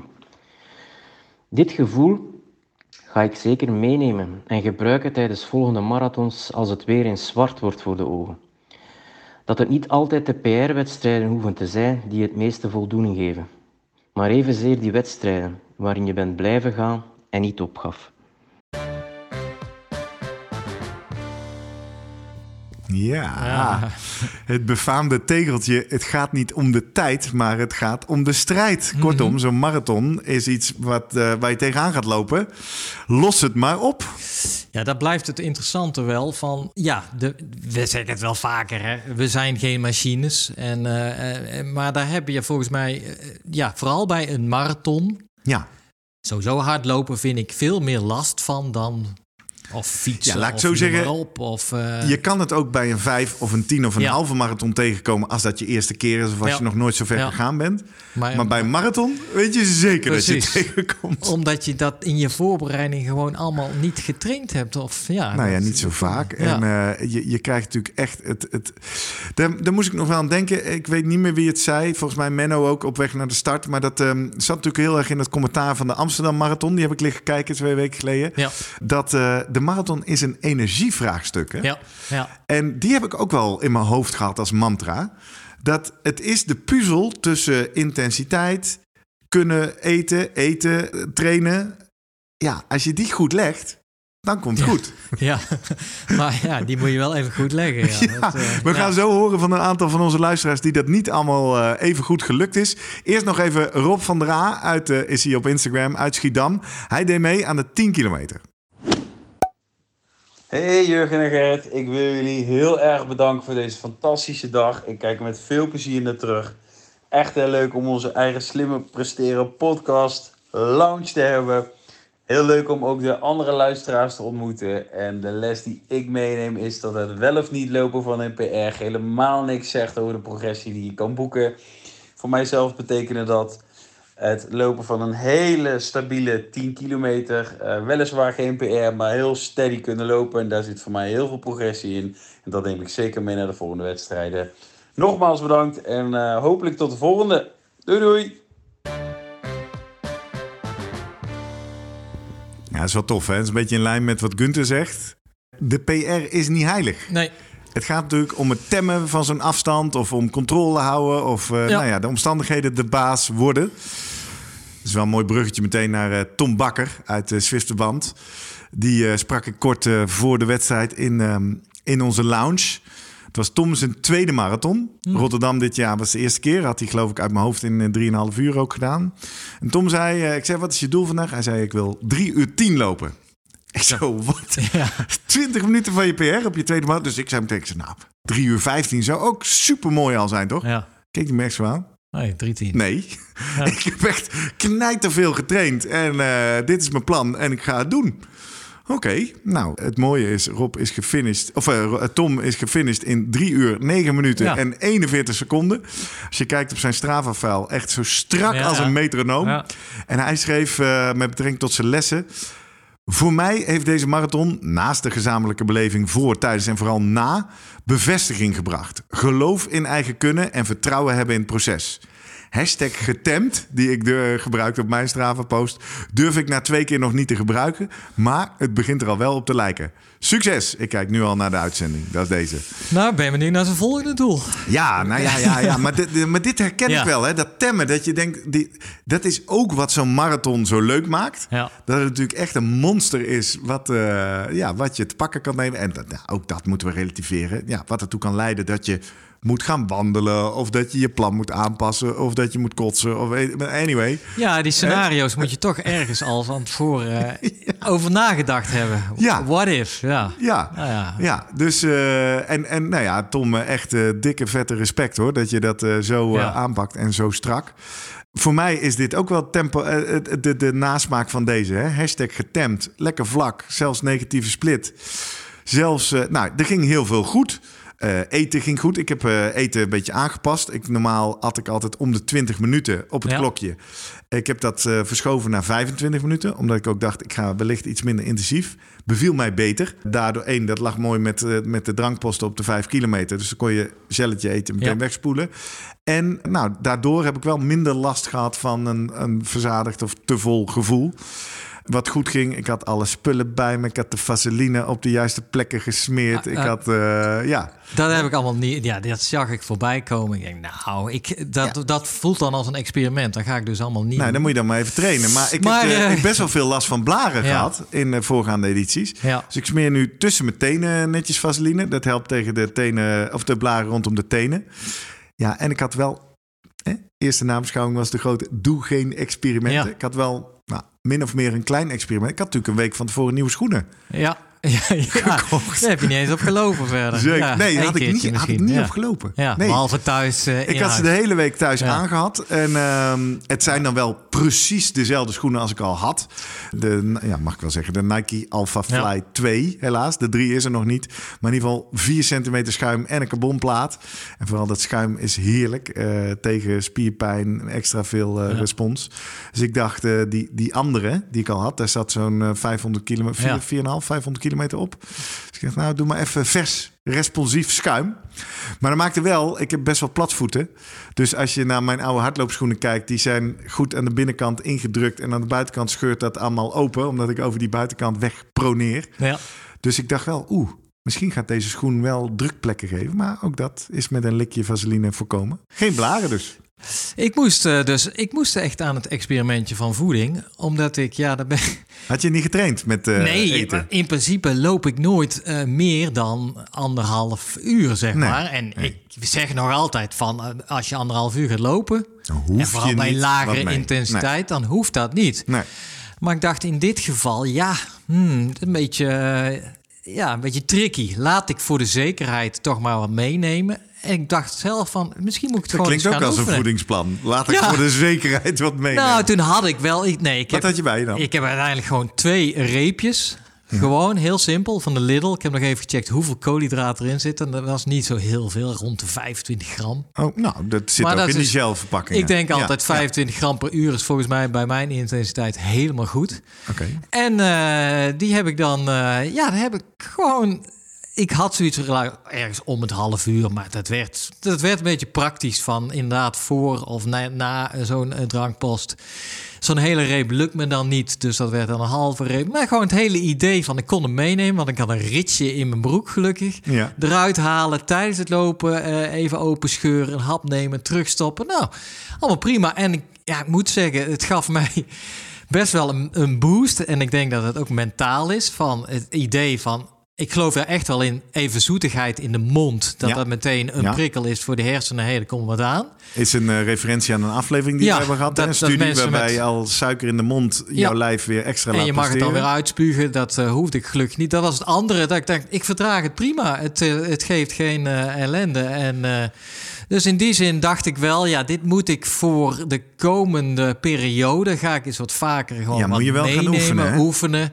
Want ik denk dat daar, eh, ja, dat wordt wel steeds duidelijker. Hè? Dat je eigenlijk van begin af aan, bij een langdurige inspanning, gewoon, eh daar moet koolhydraten moeten er gewoon in. Blijven bijvullen, want anders kom je erachter. Dan komen we zo op het verhaal van Rob, die daar eh, tegenaan is gelopen. Maar volgens mij moet je twee dingen oefenen. Eh, Ik bedoel, praktisch. Hoe neem je het Ja. mee? Hoe eet je het op tijdens het lopen? En, en welke substantie dan? Hè? Want, En wat verdraag je? Want ook ik heb toch wel weer enigszins last van mijn darmen gekregen. Wel verdraagbaar, maar het voelde niet heel prettig. Ik merk ook wel nu, het komt misschien op het einde een beetje over volgende doelen. Ben ook ergens ook wel een beetje klaar met dat eh, Ja, bakken sportshells vreten. Want ik neem er dus acht mee. Klokje op 25 minuten. En dan heb ik er inderdaad onderweg eh, zeven gegeten plus één voor de start. Dus eh, dat zijn er acht. Drie cafeïne, vijf normaal. Ja. Misschien is het specifiek die cafeïne die wat druk op die darmen geeft. Maar ja, die, dat hebben we ook een aflevering gehad. Dat Ja, helpt ja. dan weer tegen de vermoeidheid. Ja, ja. We hebben twee mensen die, eh, die in hun reflecties iets over voeding hebben gezegd. De eerste is Siebe de Jong uit Tilburg. Die liep de hele marathon keurig in een 307. Was wel iets langzamer dan hij wilde, want hij is toch ook redelijk tegen een crashje aangelopen. Wat ik niet zo goed doorhad voor de vaste luisteraars en anders mensen die hem nog gaan luisteren. In mijn nabeschouwing van mijn, van mijn Amsterdam Marathon vorig jaar, die ik in 3 uur 8 minuten liep, ik kan nog steeds niet zo goed geloven. Vertel ik toch dat ik op kilometer 34 op een gegeven moment helemaal stuk zat. En dat ik daar een bocht omkwam en dat ik op dat stuk een gozer zie lopen met een slimmer presteren sticker op zijn rugzak. Ah ja, ja. Ik wist niet meer zo goed wie dat, wie dat was, maar bij de koffie in onze lounge voor de wedstrijd wist Siebe Ja. mij te vertellen dat hij dat Ja, was. ja. Dus heel leuk om Siebe weer tegen te komen, want dat gaf mij toen een enorme mentale opsteker. Siebe eh, is een ervaren loper, eh, loopt op eh, Vibrams, hè, op Ja. van die teen minimalistische, schoenen. Ja. En eet dus ook repen onderweg. En daar heeft hij wel iets eh, over, een inzicht over. Ah, Gerrit en Jurgen, hier zie je bij Tilburg. In de eerste plaats nogmaals dank voor de toffe groepsapp en de hangout. Het was echt top geregeld. Wat ik verder meeneem uit de Marathon Brabant is dat ik toch wat beter moet gaan leren eten onderweg. Mijn maag en darmen reageren niet zo best op gels, dus ik loop vooral op van die nekentrepen. Maar die kreeg ik na 25 kilometer echt niet meer weg. Ehm, het is wel lastig te trainen, denk ik, vooral met intensiteit. Maar in aanloop naar de Two Rivers Marathon in maart ga ik denk ik toch maar eens wat experimenteren. Ja, precies. En laten we daar gelijk even de reactie van eh, Rob van de Langenberg het Bokstel eh, bij pakken. Rob ben ik onderweg tegengekomen, want die liep eh, voor mij uit. Maar op een gegeven moment haalde ik hem veel te optimistisch in. Sorry Rob, alsnog. Dat was rond kilometer 6, 7, ja, 36 denk ik. 35, 36. Rob was daar echt in de hel en had het heel zwaar. En ik kwam langs en high five. En zei, kom maar op, haak maar aan, dan kun je 330. Nou, met wat ik nu weet, was dat het slechtste wat ik tegen Rob kon zeggen. Want als je bij Rob in zijn file kijkt, die zie je zo vanaf Ja. 31, zie je dat tempo zo opgaan. Rob schrijft, mijn les voor deze keer was dat ik echt iets met mijn voeding moet gaan doen. In feite wat Siebe ook zegt. Dit is nu mijn vierde marathon, twee keer op de weg, twee keer in de trail. Waarbij ik na twee, circa 2,5 uur geen energie meer heb. In alle marathons heb ik altijd gels of andere voeding tot me genomen. De, plus ook elektrolyten genuttigd, ook in de voorbereiding. Maar toch blijft het niet goed gaan. Dus mijn les is om dit eerst eens uit te gaan zoeken... voordat ik een nieuwe marathon-uitdaging begin. Nou, naar aanleiding... één, ik herkende nogal veel in dit verhaal van Rob. Want in mijn vier keer dat de marathon won... heb ik toch twee keer, drie keer... zeker zo'n soort verhaal gehad... dat je gewoon bij 32, 33 kilometer... dat de boel in elkaar klapt. En is dat inderdaad omdat je je, je gels niet wegkrijgt of last van die darmen? Ja, ik had of- dat ook. Ik kreeg Ja. het inderdaad niet bijgegeten. Ik, ik herken letterlijk de uitspraak... ik moet iets met voeding... zei ik letterlijk na mijn tweede marathon. Eh, en volgens mij ook nog na die ene met, met Guido... eh, waar alles misging. Oh, Ja, ja. Die ene, hè? beginnersfouten bij de marathon. Dus ik heb hem meteen wat vervolgvragen gesteld. Hoeveel heb je, heb je met voeding getraind? Heb, wat, wat had je bij je? Hoeveel nam je dan? Op welke intensiteit liep je? Toen kwam er wel een beeld naar boven dat er volgens mij een paar dingen misgingen. Hij at ieder half uur een gelletje. Hij zei ook welke. En dat gelletje bevat 22 gram koolhydraten. Nou, voor de mensen die niet alle Slimme Presteren podcast hebben geluisterd. Wij hebben natuurlijk al 44 dan. 44 per uur. Ja. We hebben al vaak gehad dat onze darmen, want daar zit de beperking, ongeveer 60 gram koolhydraten per uur kunnen opnemen. Tot 90. Tot als je- 90 ja. als je dat traint. Daarom roepen we iedere keer, moet je trainen, en, moet je en de trainen. verhouding glucose-fructose Ja, eh, moet dan eh twee staat tot één Maar zijn. mijn inzicht is dus zelf al, ik ben dus van... Want daarom nam ik dus drie gelletjes per uur, iedere 20 minuten, want dan kwam ik op 60. Ja. Maar ik werd daar toch iedere keer best wel naar van. En ik kwam dus dan bij gel 7, 8, kreeg ik het ook niet meer weg, Ja. letterlijk. Hè? En dat is dus eigenlijk een teken dat je, dat je te vol zit, dat, dat je het niet aan- weggestouwd kreeg. Dus vijf minuten extra hielp mij heel erg. Dat is de ene sleutel. Dus je kan zeggen, eh, trainen, eh, meer innemen. Of de andere sleutel, minder intensief lopen. Ja. En ik heb gisteren uiteindelijk nog eh, met Rob een tijdje zitten bellen. En ik zal de details besparen. Maar het lijkt erop alsof hem, Rob hem toch best wel intensief loopt. Ja, ja. En ten opzichte hè, van zijn kunnen en zijn drempels. En dan ja, als je, als je intensiever gaat, dan moet je meer eten. Ja, dat, dat zou in ieder geval een tip zijn. Ga dat eens oefenen. Ga Ja. van de 40 naar de 60 sowieso eens proberen. En eh, ja. Ja, dus je, ja, Per je hebt een paar knoppen waar je aan kan draaien. Je kan inderdaad of meer koolhydraten gaan innemen. Ja, En dat eventueel dan trainen dat je meer kan opnemen. Want Rob zei terecht natuurlijk, innemen is toch niet hetzelfde als opnemen? Nou, Nee. Nou, nou, nou, nee, maar daar kun je wel oefenen. ja. Ja, of dus toch eh, minder intensief op die marathon. Ja. Want dit, dit is dus die energiepuzzel. ja. De, de hoeveelheid energie die je kan blijven. Want uiteindelijk schreef, schreef Rob ook: ja, ik had gewoon, ik had gewoon een enorme hongerklop. Ja, Ik was ja. gewoon op, dood, klaar. En zelfs het eh, uitlopen was echt eh, was niet alleen maar leuk, zeg maar. Hoe kijk jij daar tegenaan, Jurgen? Want als ik zo hoor wat jij met voeding hebt gedaan... eh, jij moet eh, in eh, april nog- een hele marathon Ja, doen. daar, daar moet ik. Zover ben ik nog niet. Dat ga ik meenemen in de komende periode. Ja, want wat jij beschrijft van.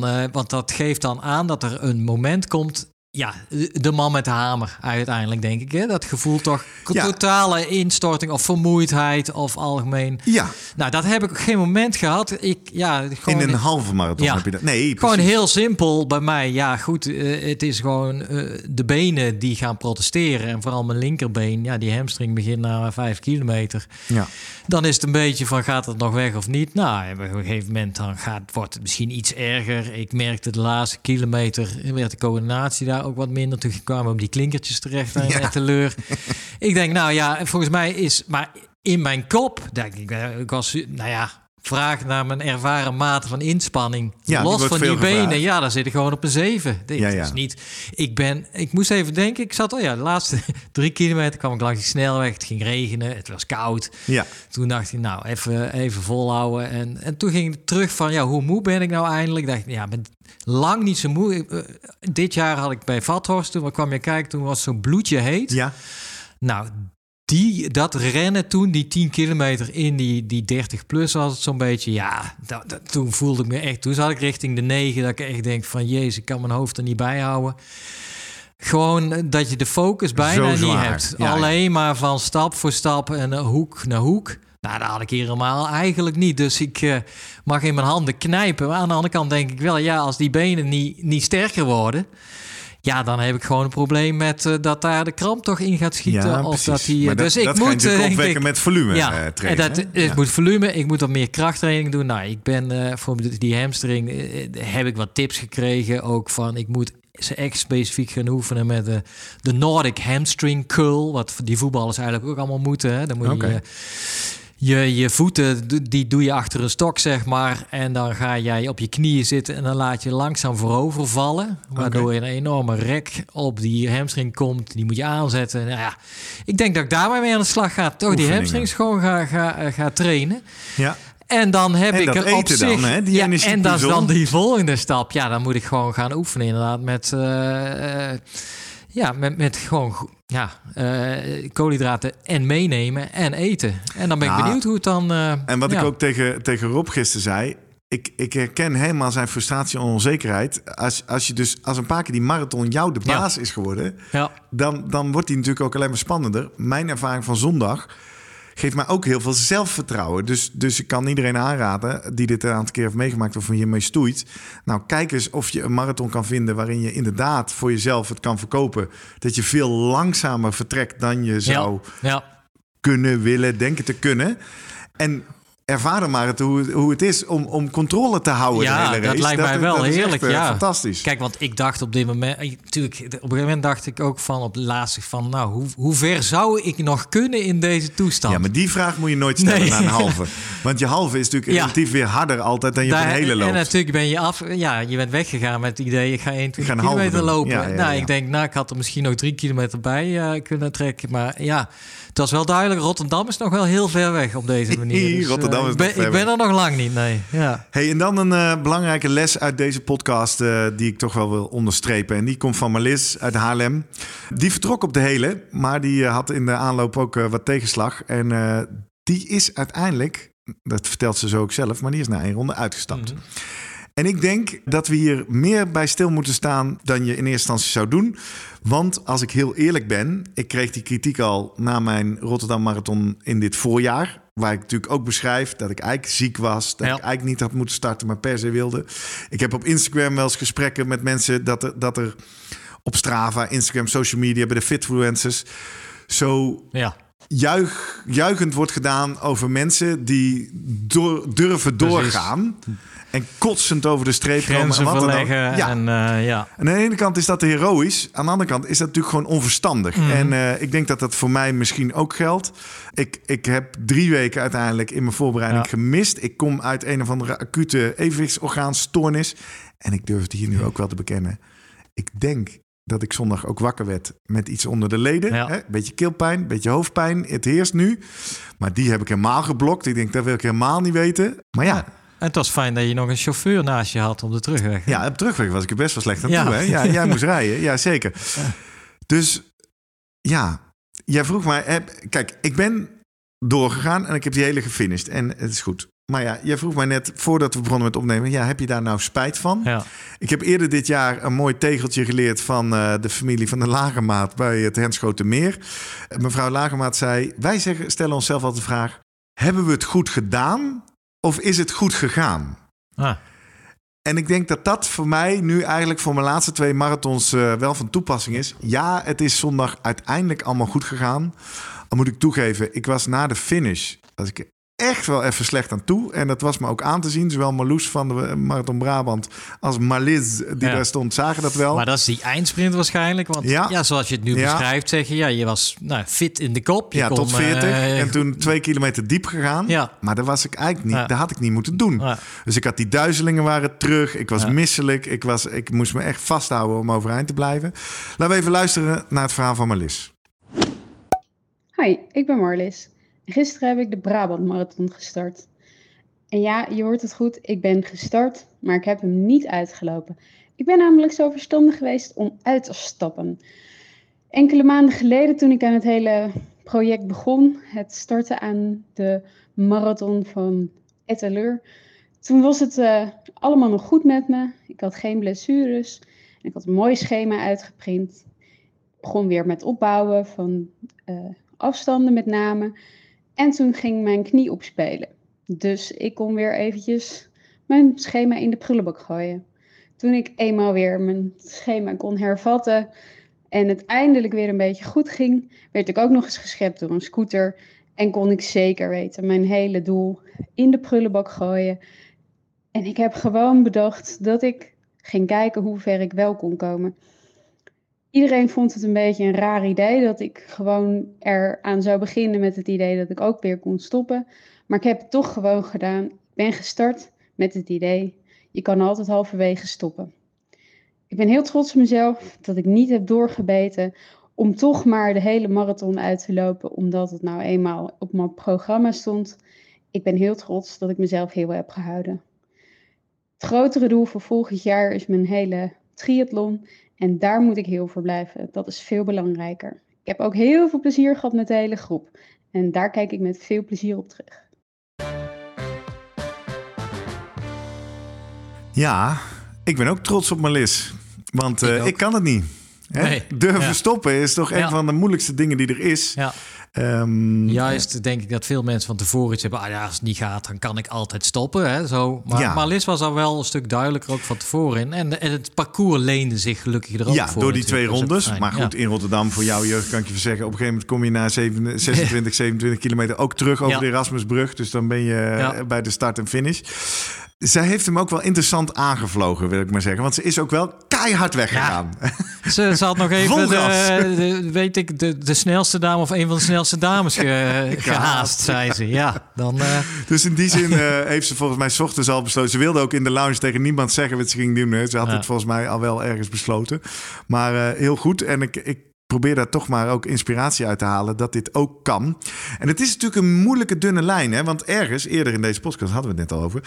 Je komt op een punt dat alles zegt. Ik wil niet meer. Mhm. Ik wil naar huis. Stoppen. En dat is juist ook wat een marathon is. ja, Het gaat niet om de tijd, het gaat om de strijd. Los het op, eh, fix het, kom naar de finish. Alleen, ik denk wel dat het zoeken is naar ten koste van wat. En volgens mij zijn er een paar dingen. We hebben het wel eens in de aflevering over pijn. Hebben we ook aan Guido Vroemer gevraagd. Wat is nou pijn waar je op door moet zetten en wat is pijn waar je mee moet stoppen? En die heb ik altijd heel goed in mijn hoofd. Pijn die ervoor zorgt dat je anders gaat bewegen. ja, Dus als je om iets heen gaat lopen, of je past je loopstijl aan, of je past je houding aan, nee. stoppen. Want dan Ja. wordt het van kwaad naar erg Ja, pijn in een spier omdat je moe wordt. Of een beetje in je rug, of weet ik veel. Ja, dat, is is, prima. Ja. dat is pijn die erbij hoort. ja. Ik moet ook wel zeggen, ik had dus ook een paar keer pijntjes, hè, hamstringkuitje. Het is ook wel interessant, ehm, heb ik van Jacomine Eikelboom geleerd. Je moet daar even lekker naartoe gaan. En zeg, oh ja, ik voel in mijn hamstring, oké. En dan hem ook even laten zijn. Want Ja, dan ja. gaat hij ook weer weg. Ja, Dus eh, als dat gebeurt, is het natuurlijk hè, niet meteen in paniek schieten. Ook niet ja meteen wel, stoppen. wel bewust zijn van, maar niet eh, focussen of blijven en in Nee. paniek raken Nee. of denken, hmm, en nu Even en wat? aankijken. Ja. En Ja. eh, waarschijnlijk gaat het weg, want je bent warm en doorbloed en er gebeurt van alles. En als het niet weggaat, nou, dan is wat aan de hand. Ja. Dus dat is een duidelijke rode vlag tijdens de race. Ja, en ik denk dat ik toch uit dit jaar, zowel Rotterdam in het voorjaar als Ettenleur in het najaar, toch ook de les moet trekken. Eh, ja, natuurlijk gaat het om de finish halen, maar de grotere uitdaging lijkt nog wel fit aan de start Mm. komen. Hè? Ja. En dat is natuurlijk ook, dat, dat zie je nu ook veel rondgaan. Ro- Rotterdam Marathon 2024 binnen een week uitverkocht. Ja. Maar ja, je hebt natuurlijk altijd mensen, nou joh, wacht maar. Ja, precies. Want er komen nog bakken aan Ja, startbewijzen ja. op de markt. Ja. Want heel veel mensen vallen natuurlijk in dat proces af. Omdat ze geblesseerd, overbelast, Ja. Ziek, zwak, misselijk, weet ik veel. Ja. En die dan dus ook wel durven te beslissen dat ze niet gaan starten. Ja. Ehm, ja, daar heb ik nog wel wat eh, van te leren, geloof ik. Nee, maar dus in die zin vond ik dit wel opvallend dat eigenlijk het, ja, het merendeel het gewoon, ja, die had ook het doel gewoon. Van onze groep. Ja, Ja, dat dat het toch wel behoorlijk goed gedaan heeft. Ook als je keek, nou ja, naar, naar, doelen die ze hadden, tijden. Ja. Nou, je merkt alleen de wat betere inderdaad. Dat die net dan... die hebben extra last van de wind. Ja, dat in die feite dan, is het best een snel parcours, hè? Ja. Hartstikke vlak. Eh, de wind, in, eh, gisteren ook, wind was natuurlijk wind mee terug op het laatste. Dus als je een groepje hebt, dan word je de laatste 10 kilometer teruggeblazen Ja. naar de finish. Ja, dus dat het, nou ja, goed. Ik denk dat de, ja, de meeste van deze groep waren gewoon prima voorbereid. Je merkt natuurlijk ook in die appgroep dat ze zelf er zo mee bezig waren. Ja, Ja, hadden volgens mij niemand die een eerste marathon niet Nee. deed, hè? Nee, Nee. nee, nee. nee. En eh, zeer bewust van wat ze aan het doen waren. En dat is denk ik wel, ehm, ja, dat is wel belangrijk ook, hè? Ja, Plus daarbij, ja, nou, het doel inderdaad. En als Marlis eh het grote doel volgend jaar ergens heeft eh, liggen, ja, waarom? ja laten we nog even een hier, shout-out geven. Eh Marlis is ook op Instagram te volgen. Leuk Mhm. experiment. Ze gaat dus volgend jaar haar eerste hele triathlon doen. Voor de mensen die er niet in thuis zijn. Dat is dus 3,8 kilometer zwemmen. 190 of 180, ligt een beetje aan de wedstrijd. Kilometer fietsen. En dan En een nog marathon. een marathon lopen. Ja. Dat is de hele triathlon. En het leuke van Marlis is, die heeft gezegd... weet je wat, ik luister al zoveel jaar naar die podcast. Ik ga alle tips uit de Slimmer Presteren podcast ophalen en toepassen in mijn weg naar mijn hele triathlon. En dat eh, legt zij heel leuk vast in korte video's op het Instagram-kanaal Try At Least. Soort eh, speling op het woord triathlete. Aha. Dus T-R-I, try, en een at least. Van ik ga het op zijn minst proberen, kijken hoe ver we komen. En eh, nou ja, bij deze, als je het nog niet doet, zoek er even op op Instagram en ga er volgen. Leuke korte videootjes over haar trainingen en over haar toepassingen van de tips van de Slimmer Presteren podcast. Hey, het is dinsdag. Jurgen, hoe is het met spierpijn? Ja, toch wel. Ik dacht eigenlijk gisteren van, oh, het valt reuze mee. Maar vandaag was het weer wat erger. Ja, het is natuurlijk de tweede Waar? dag eh, erna.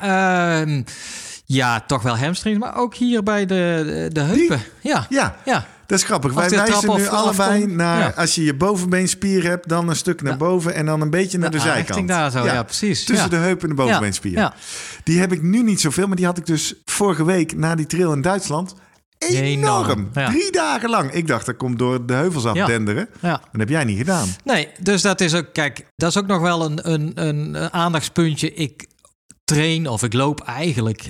Ja, ik ben een trailrunner, hè, had het laatst al over. Ja, ik loop eigenlijk alleen maar in de bus, bossen, lekker zachte ondergrond.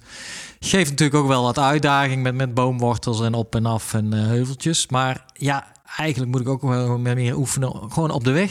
Gewoon die klappen. Want dit zijn denk ik toch Ja, wel weet ik wat, niet, eh, ja, nou ja, om, om een beetje weer die spieren ook te trainen daarop eigenlijk. Het monotone toch wel van... eh, Ja, maar dan eh, pas op, hè, want da- daar ligt ook de kans op de blessure. Zeker, maar een beetje afwisselen. En juist het feit dat ik nu zo'n, nou ja, relatief spier, best wel veel spierpijn heb. En dat, dat was iets wat me wel opviel de laatste maanden sinds ik toch wat meer ben gaan lopen. Ja. Dat spierpijn steeds minder werd. Dat Ja. je ook na best wel dat je thuis kwam denk poeh, dit was best wel pittig. Nou, 18, 19 gelopen. De dagen daarna eigenlijk ja, amper spierpijn had. Gewoon weer kon fietsen of zwemmen. Ja, ja, ja, en precies. dat is nu wel anders. Nu ben ik gisteren maar niet gaan zwemmen. En, eh, Ja, maar je hebt natuurlijk ook echt ja. Nou, ik eh, gooide in, in onze befaamde WhatsApp-groep natuurlijk ook het polletje. eh, Hoe, hoe is je relatie met de trap? Dus mijn beste vriend met een handje aan de leuning gaat het wel. Of trap, ik wil niet eens in de buurt komen. Dat laatste had ik namelijk na mijn eerste marathon. Ja, En mijn eerste twee marathons heb ik natuurlijk aan, een beetje aan de hand van het sportrusten 14 kilometer schema gedaan. En ja, daar hebben we al eerder van geconcludeerd. Dat is een prachtige manier om van de bank af te komen. En ook om naar een eerste marathon wellicht te komen. Maar het is natuurlijk niet de manier om. om hoe zeggen we dit nou netjes? Naar een, een goede, of in ieder geval naar je beste marathonprestatie te komen. Want uiteindelijk, met alles wat ik nu ook weet over trainen van de marathon, zit Ja. er natuurlijk gewoon veel te weinig volume in. ja en dat, dat vertaalt zich dan uiteindelijk in enorme spierpijn. enorme Daarna, spierpijn ja. en trappen die je het liefst drie dagen niet wil verkennen. En toen heb ik natuurlijk in de afgelopen marathons heb ik al een paar keer dat filmpje gestuurd. Dat ik gewoon lachend de trap afloop. En dat zei Guido al, ja, dat komt door je volume. Je loopt veel meer volume. Komt volgens mij ook door die dikke zolen, hè, die enorme demping. En ook ik ben, eh, ik, nothing on the hand met Ja. de traps. Ja. Eh, zelfs eh, zonder leuning. Ja, Ik heb wel nee, maar, ja, maar dat is dus... eh, ik moest even denken, ik heb laatst voor Sportgericht een, een stuk... Nou, ik was de redactie van Erik Wilmers. Die heeft onderzoek gedaan eigenlijk bij hockeyers en voetballers. Ja. Juist omdat ze zeggen, wat, we willen eigenlijk twee dingen weten. We willen weten, belasting is het woord. Hè? Om te, te kijken, je wil geen overbelasting hebben, je wil geen onderbelasting, precies goed. Maar dat is eigenlijk een fysiologische belasting waarbij je kijkt natuurlijk je, je hart en, en je longen. En de biomechanische belasting. En dat is juist ja, welke krachten er komen op die spieren en de gewrichten en de pezen. Dus hij heeft, ja, nou ja, en dat, dat merk je dat lopen in vergelijking tot, tot fietsen bijvoorbeeld, is natuurlijk, ja, de biomechanische belasting is natuurlijk veel groter. En waar zit denk ik het probleem? Dat je daar, ja, dat, dat heeft, eh, nou ja, een hele tijd nodig om die spieren dusdanig te trainen dat ze die biomechanische belasting aankunnen. En eh, ja, goed, hij, heeft dan gewerkt met zo'n zo'n slidingbroek hè, voor voetballers. waar Oh Kun je van alles eigenlijk meten? de, Ja. de strijdpot-achtige Ja. dingen in zitten, die sensoren. En door maar te, te achterhalen, ja, wat is nou precies de lokale belasting op je bovenbeenspier of je hamstring? Ja, die toekomst gaat het wel worden. Ja, op dit moment weten we dat allemaal nog niet. Maar wie weet dat je dan de marathonlopers over vijf jaar eh, ziet met zo'n slidingbroek aan. Om dat meer grip op, op te krijgen van, eh, ja, Specifiek op de biomechanische belasting. Ja, en ja. daarmee dan meer te doseren van je kan Ja. meer training aan of je moet Precies, rustig ja, aan doen. ja, juist. Ja, fysiologisch. Ja, waar kijken we nu naar? Van eh, de, je, je hartslag, je. HRV bijvoorbeeld. Nou, het gevoel nog steeds natuurlijk, wat daarbij hoort. Maar wie weet kun je daar veel meer ook wel daaruit halen. Van ja, deze loop ging misschien eh, voor jouw gevoel...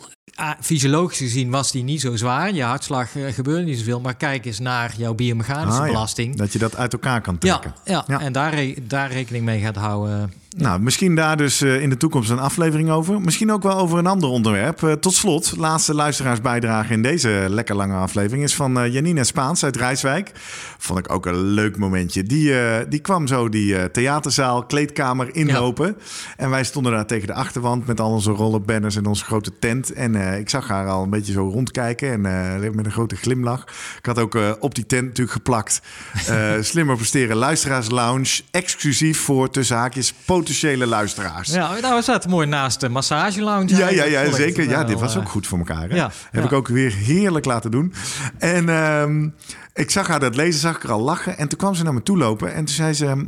Ja, mag ik jou wat vragen? Weet jij misschien waar ik, eh, of ik ergens nog mijn kostbare spullen achter kan laten?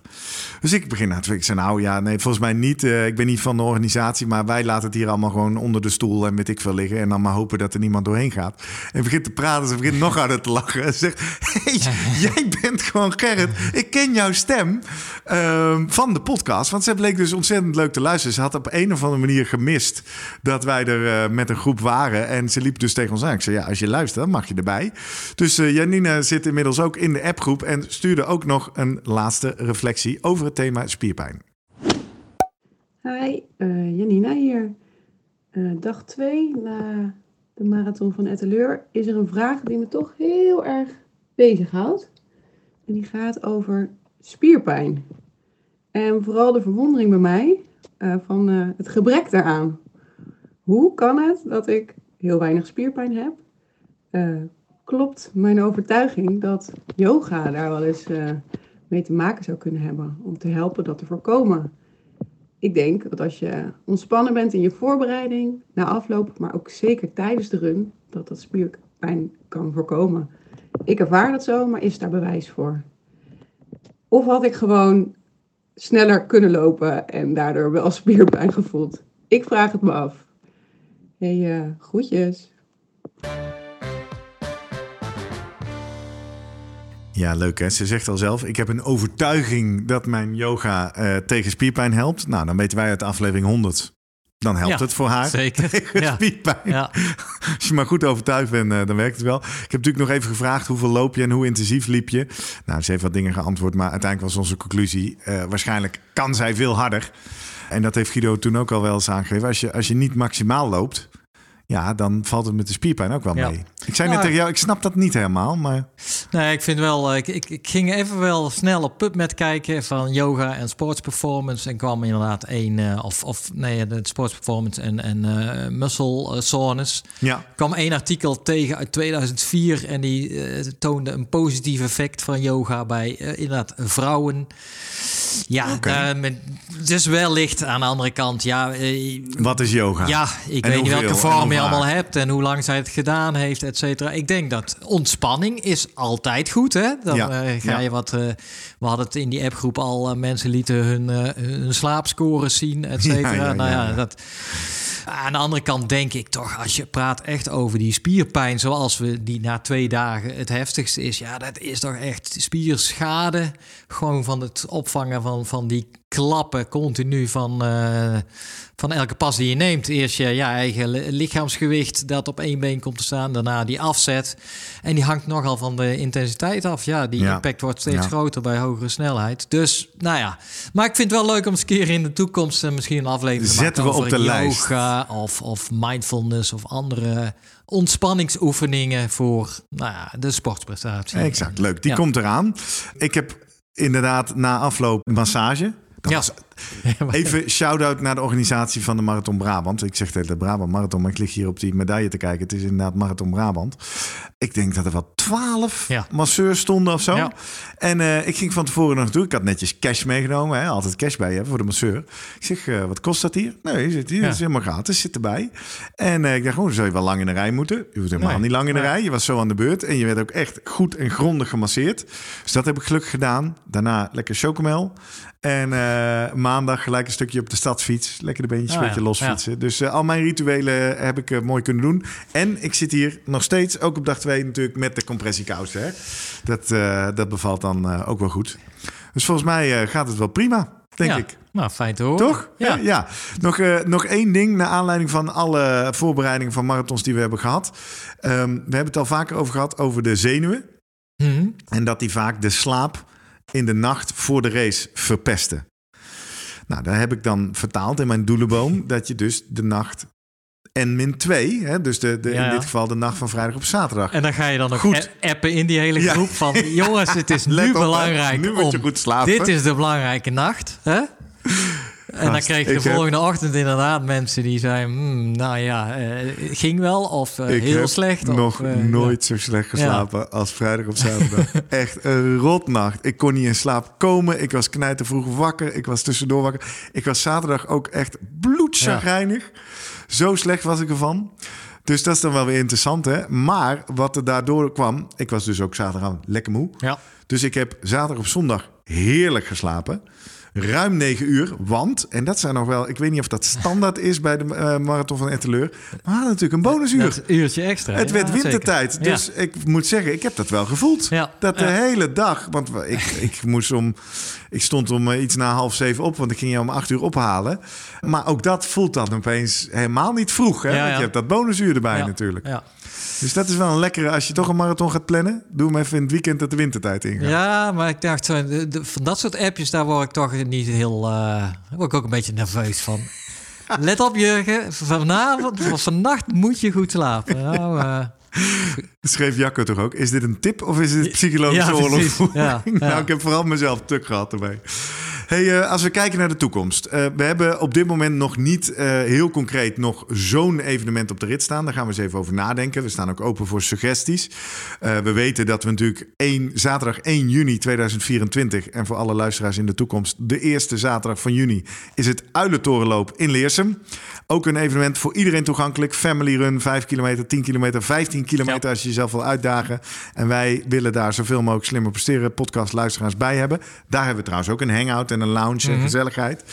Ehm, we gaan, jij en ik denk allebei, hè? Ja. 19 november naar de Zevenheuvelen, Zevenheuvelenloop. Ik heb eh, vorig jaar wel gezocht naar of we daar een soort plek kunnen vinden voor een hangout. Is me toen niet gelukt. We hebben uiteindelijk toen wel best wel veel luisteraars soort van ontmoet rondom de startvakken. En ik zit dat weekend helemaal in de, in de Thijs IJsvogels uh, troponine-studie. Ja, doe mee met de studie. Ja, dus ik ga Ja. zaterdag al een keer me laten meten. En dan zondag Ja. naar de finish. En maandag ook nog een keer. Het is wel eh, hot, hè? Sinds. eh nou, Je leest er veel over. Met al die, vooral de wielrenners die. ja, eh, met de hartklachten. Ja, dus ehm, wetenschappelijk weekendje voor mij, 19 Leuk. november. En dan eh, het laatste weekend voor de kerstvakantie. Dat is 16, 17 december. Op 16 december zaterdag is er op Ameland de Adventure Run. Dat klinkt als iets heel avontuurlijks, Ja. maar de Advent komt van Advent omdat het Ah, dus het laatste weekend Ja. voor eh, de kerst is. Ja. Ook die kun je kidsruns, 15 of een halve marathon doen. En dat is gewoon een heerlijk weekendje Ameland. Eh, vrijdag eh, erheen, lekker eten. Dan zaterdag met de hele family even rennen. En dan zondag nog een beetje uitwandelen en zondag terug. Dus ik ben daar zeker. Jij nog niet, geloof ik. Nee, jij bent al op pad dan, hè? Ja, ja. Dus ik ben op Ameland. Eh mochten de luisteraars nu leuk lijken, zoek het even op. Ameland Adventure Run. Kunnen we daar elkaar treffen. En de komende weken, volgende week, hebben we een aflevering over pacing. ja. Het enige wat we bij moeten zeggen, die hebben we al opgenomen met Stijn Menting, promovendus, op het onderwerp pacing. Dus daar kunnen we onze ervaringen van eh, zondag niet Maar instoppen. ik vind het wel een fantastisch onderwerp. Blijft het, hè? Ik blijf een, ja, ik heb eh, nog even naar jouw tempografiek gekeken. Jij hebt wel een heel klassiek uurtje, hè? Ja, Keihard weg. ja. 430, 500. Dan een beetje afzwakken naar je gemiddelde 508. En ook weer een flinke Ja, eindsprint. Maar zo voelt het niet als keihard weg. Nee, Want dan is het eigenlijk echt wel een beetje inhouden. ja. Merk ik gewoon. En dan, En dan eh, toch al zie je na 1 kilometer bliep bliep. 4 minuten Ja. 32. En dat, en dat geeft, dan denk ik, ah, ik heb ruimte. Ja. Eigenlijk, ja, natuurlijk. Nu wil mensen weten wat, Jurgen, wat ging wat, na vorige week? Wat was nou precies je doel? Ja. Nou ja, nogmaals. eh, ja, ik heb inderdaad wat berekeningen van tevoren gemaakt. Van laat ik zeggen dat ik 5,15 gemiddeld haal. 5 minuten 15 de kilometer. Ja, nou, hoe kom ik dan uit? En wat als het 5,25 wordt? Dus ik zat wel ergens, ik zei ook tegen mensen, nou, het wordt ergens tussen de 1,45 en 1,55. Je eindtijd op Ja. 1 uur 55. Nou, we hadden Guido, die zei 1,51. Dus ik denk, ja, die, die, die, die jongen heeft er ook wel verstand van een zicht op. ja. Ergens moet het daar wel op uitkomen. Dus ik had gewoon iets in mijn hoofd van, nou, ergens zo rond die 5,15. En dan wist ik, als ik dan wat sneller begin, heb ik daar wat ruimte eh, bij. En zo gaat dat dan. Ja, die eerste kilometers, nou ja, wat je al, die vliegen toch voorbij. ja. Gewoon lekker tempo. En dan, eh, en dan op een gegeven moment denk ik, nou, nu kan ik ook wel wat leien. Dus dan, eh, dan gaat het inderdaad wat, wat langzamer per kilometer. Heb jij het ergens nog echt zwaar gehad? Nou, echt zwaar. Meer dat ik net voor dat viaduct, dat stukje langs de snelweg. Ja. En toen ging het ook hard regenen. En dan komt dat viaduct, moet je weer even op. En dan is het inderdaad nog even wat. Het is niet nog maar anderhalf kilometer, dan is het Nee. nog drie Het kilometer. is nog even flink door het dorp, hè? Dan is het mentaal even een uitdaging. Maar uiteindelijk eh, ja, loop je teleur binnen, staan mensen langs de kant te juichen. En dan zit er toch nog wel wat eh, extra energie in, eh, in de tank voor die eindsprint. Ja. Ja, precies. Lekker. En dat vind ik gewoon voor mij doen, denk ik. Dit vind ik ook wel lekker hoor, zo finishen. Toch? Dat je niet, ja zo'n eindsprint finish. Ja, dat-. Maar dat kan ik op een of andere manier ook altijd. Ja. In dit geval was het misschien niet helemaal verstandig. Waarschijnlijk had jij een lekkere runners high. Haha, gaan we de komende week ook over Ja. hebben, toch? Wat, wat is dat eigenlijk Ja. en hoe werkt dat en is dat wetenschappelijk onderzocht? Ja. We gaan het hebben over mentale training, over hoe je je prestatie kan verbeteren met eh, hersengymnastiek. Ja. We gaan dus kijken naar de zin en onzin van een warming-up en hoe je dat doet. Probiotica. Mhm. En eh, zo hebben we een eh, mooie lijst met onderwerpen die eraan gaan komen. Mocht jij nu zitten te luisteren en denken... hey, ik heb wel, naar aanleiding van wat ik hier hoor, een vraag. Of ik heb ook nog wel een suggestie voor een onderwerp of een gast.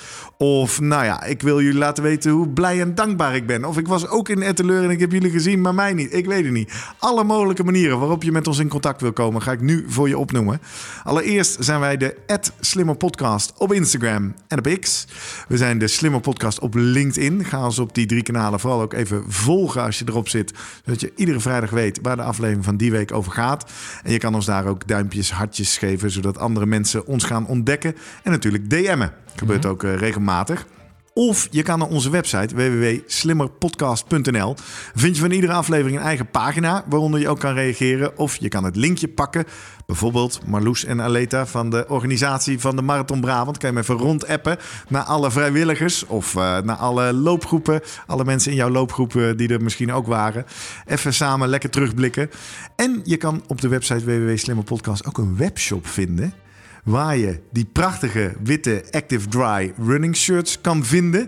We hebben zowel een heren als een damesmodel. En uh, nou ja, ze zitten heerlijk, zien er goed uit. Voor jouw volgende hardloopevenement, bijvoorbeeld de Zevenheuvelloop.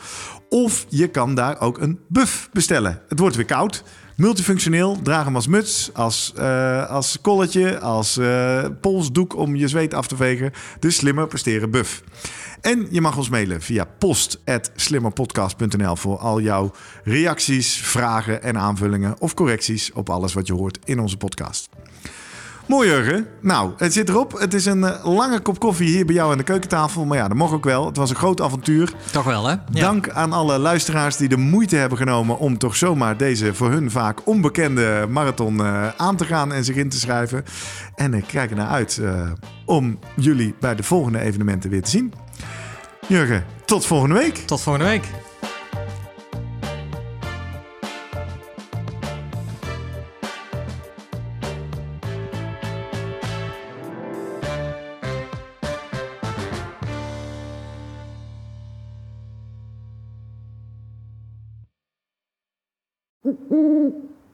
Hey, pst. Voordat je weggaat, denk er nog even aan uilentorenloop.nl. Dan zien we je de eerste zaterdag van juni. Tot dan!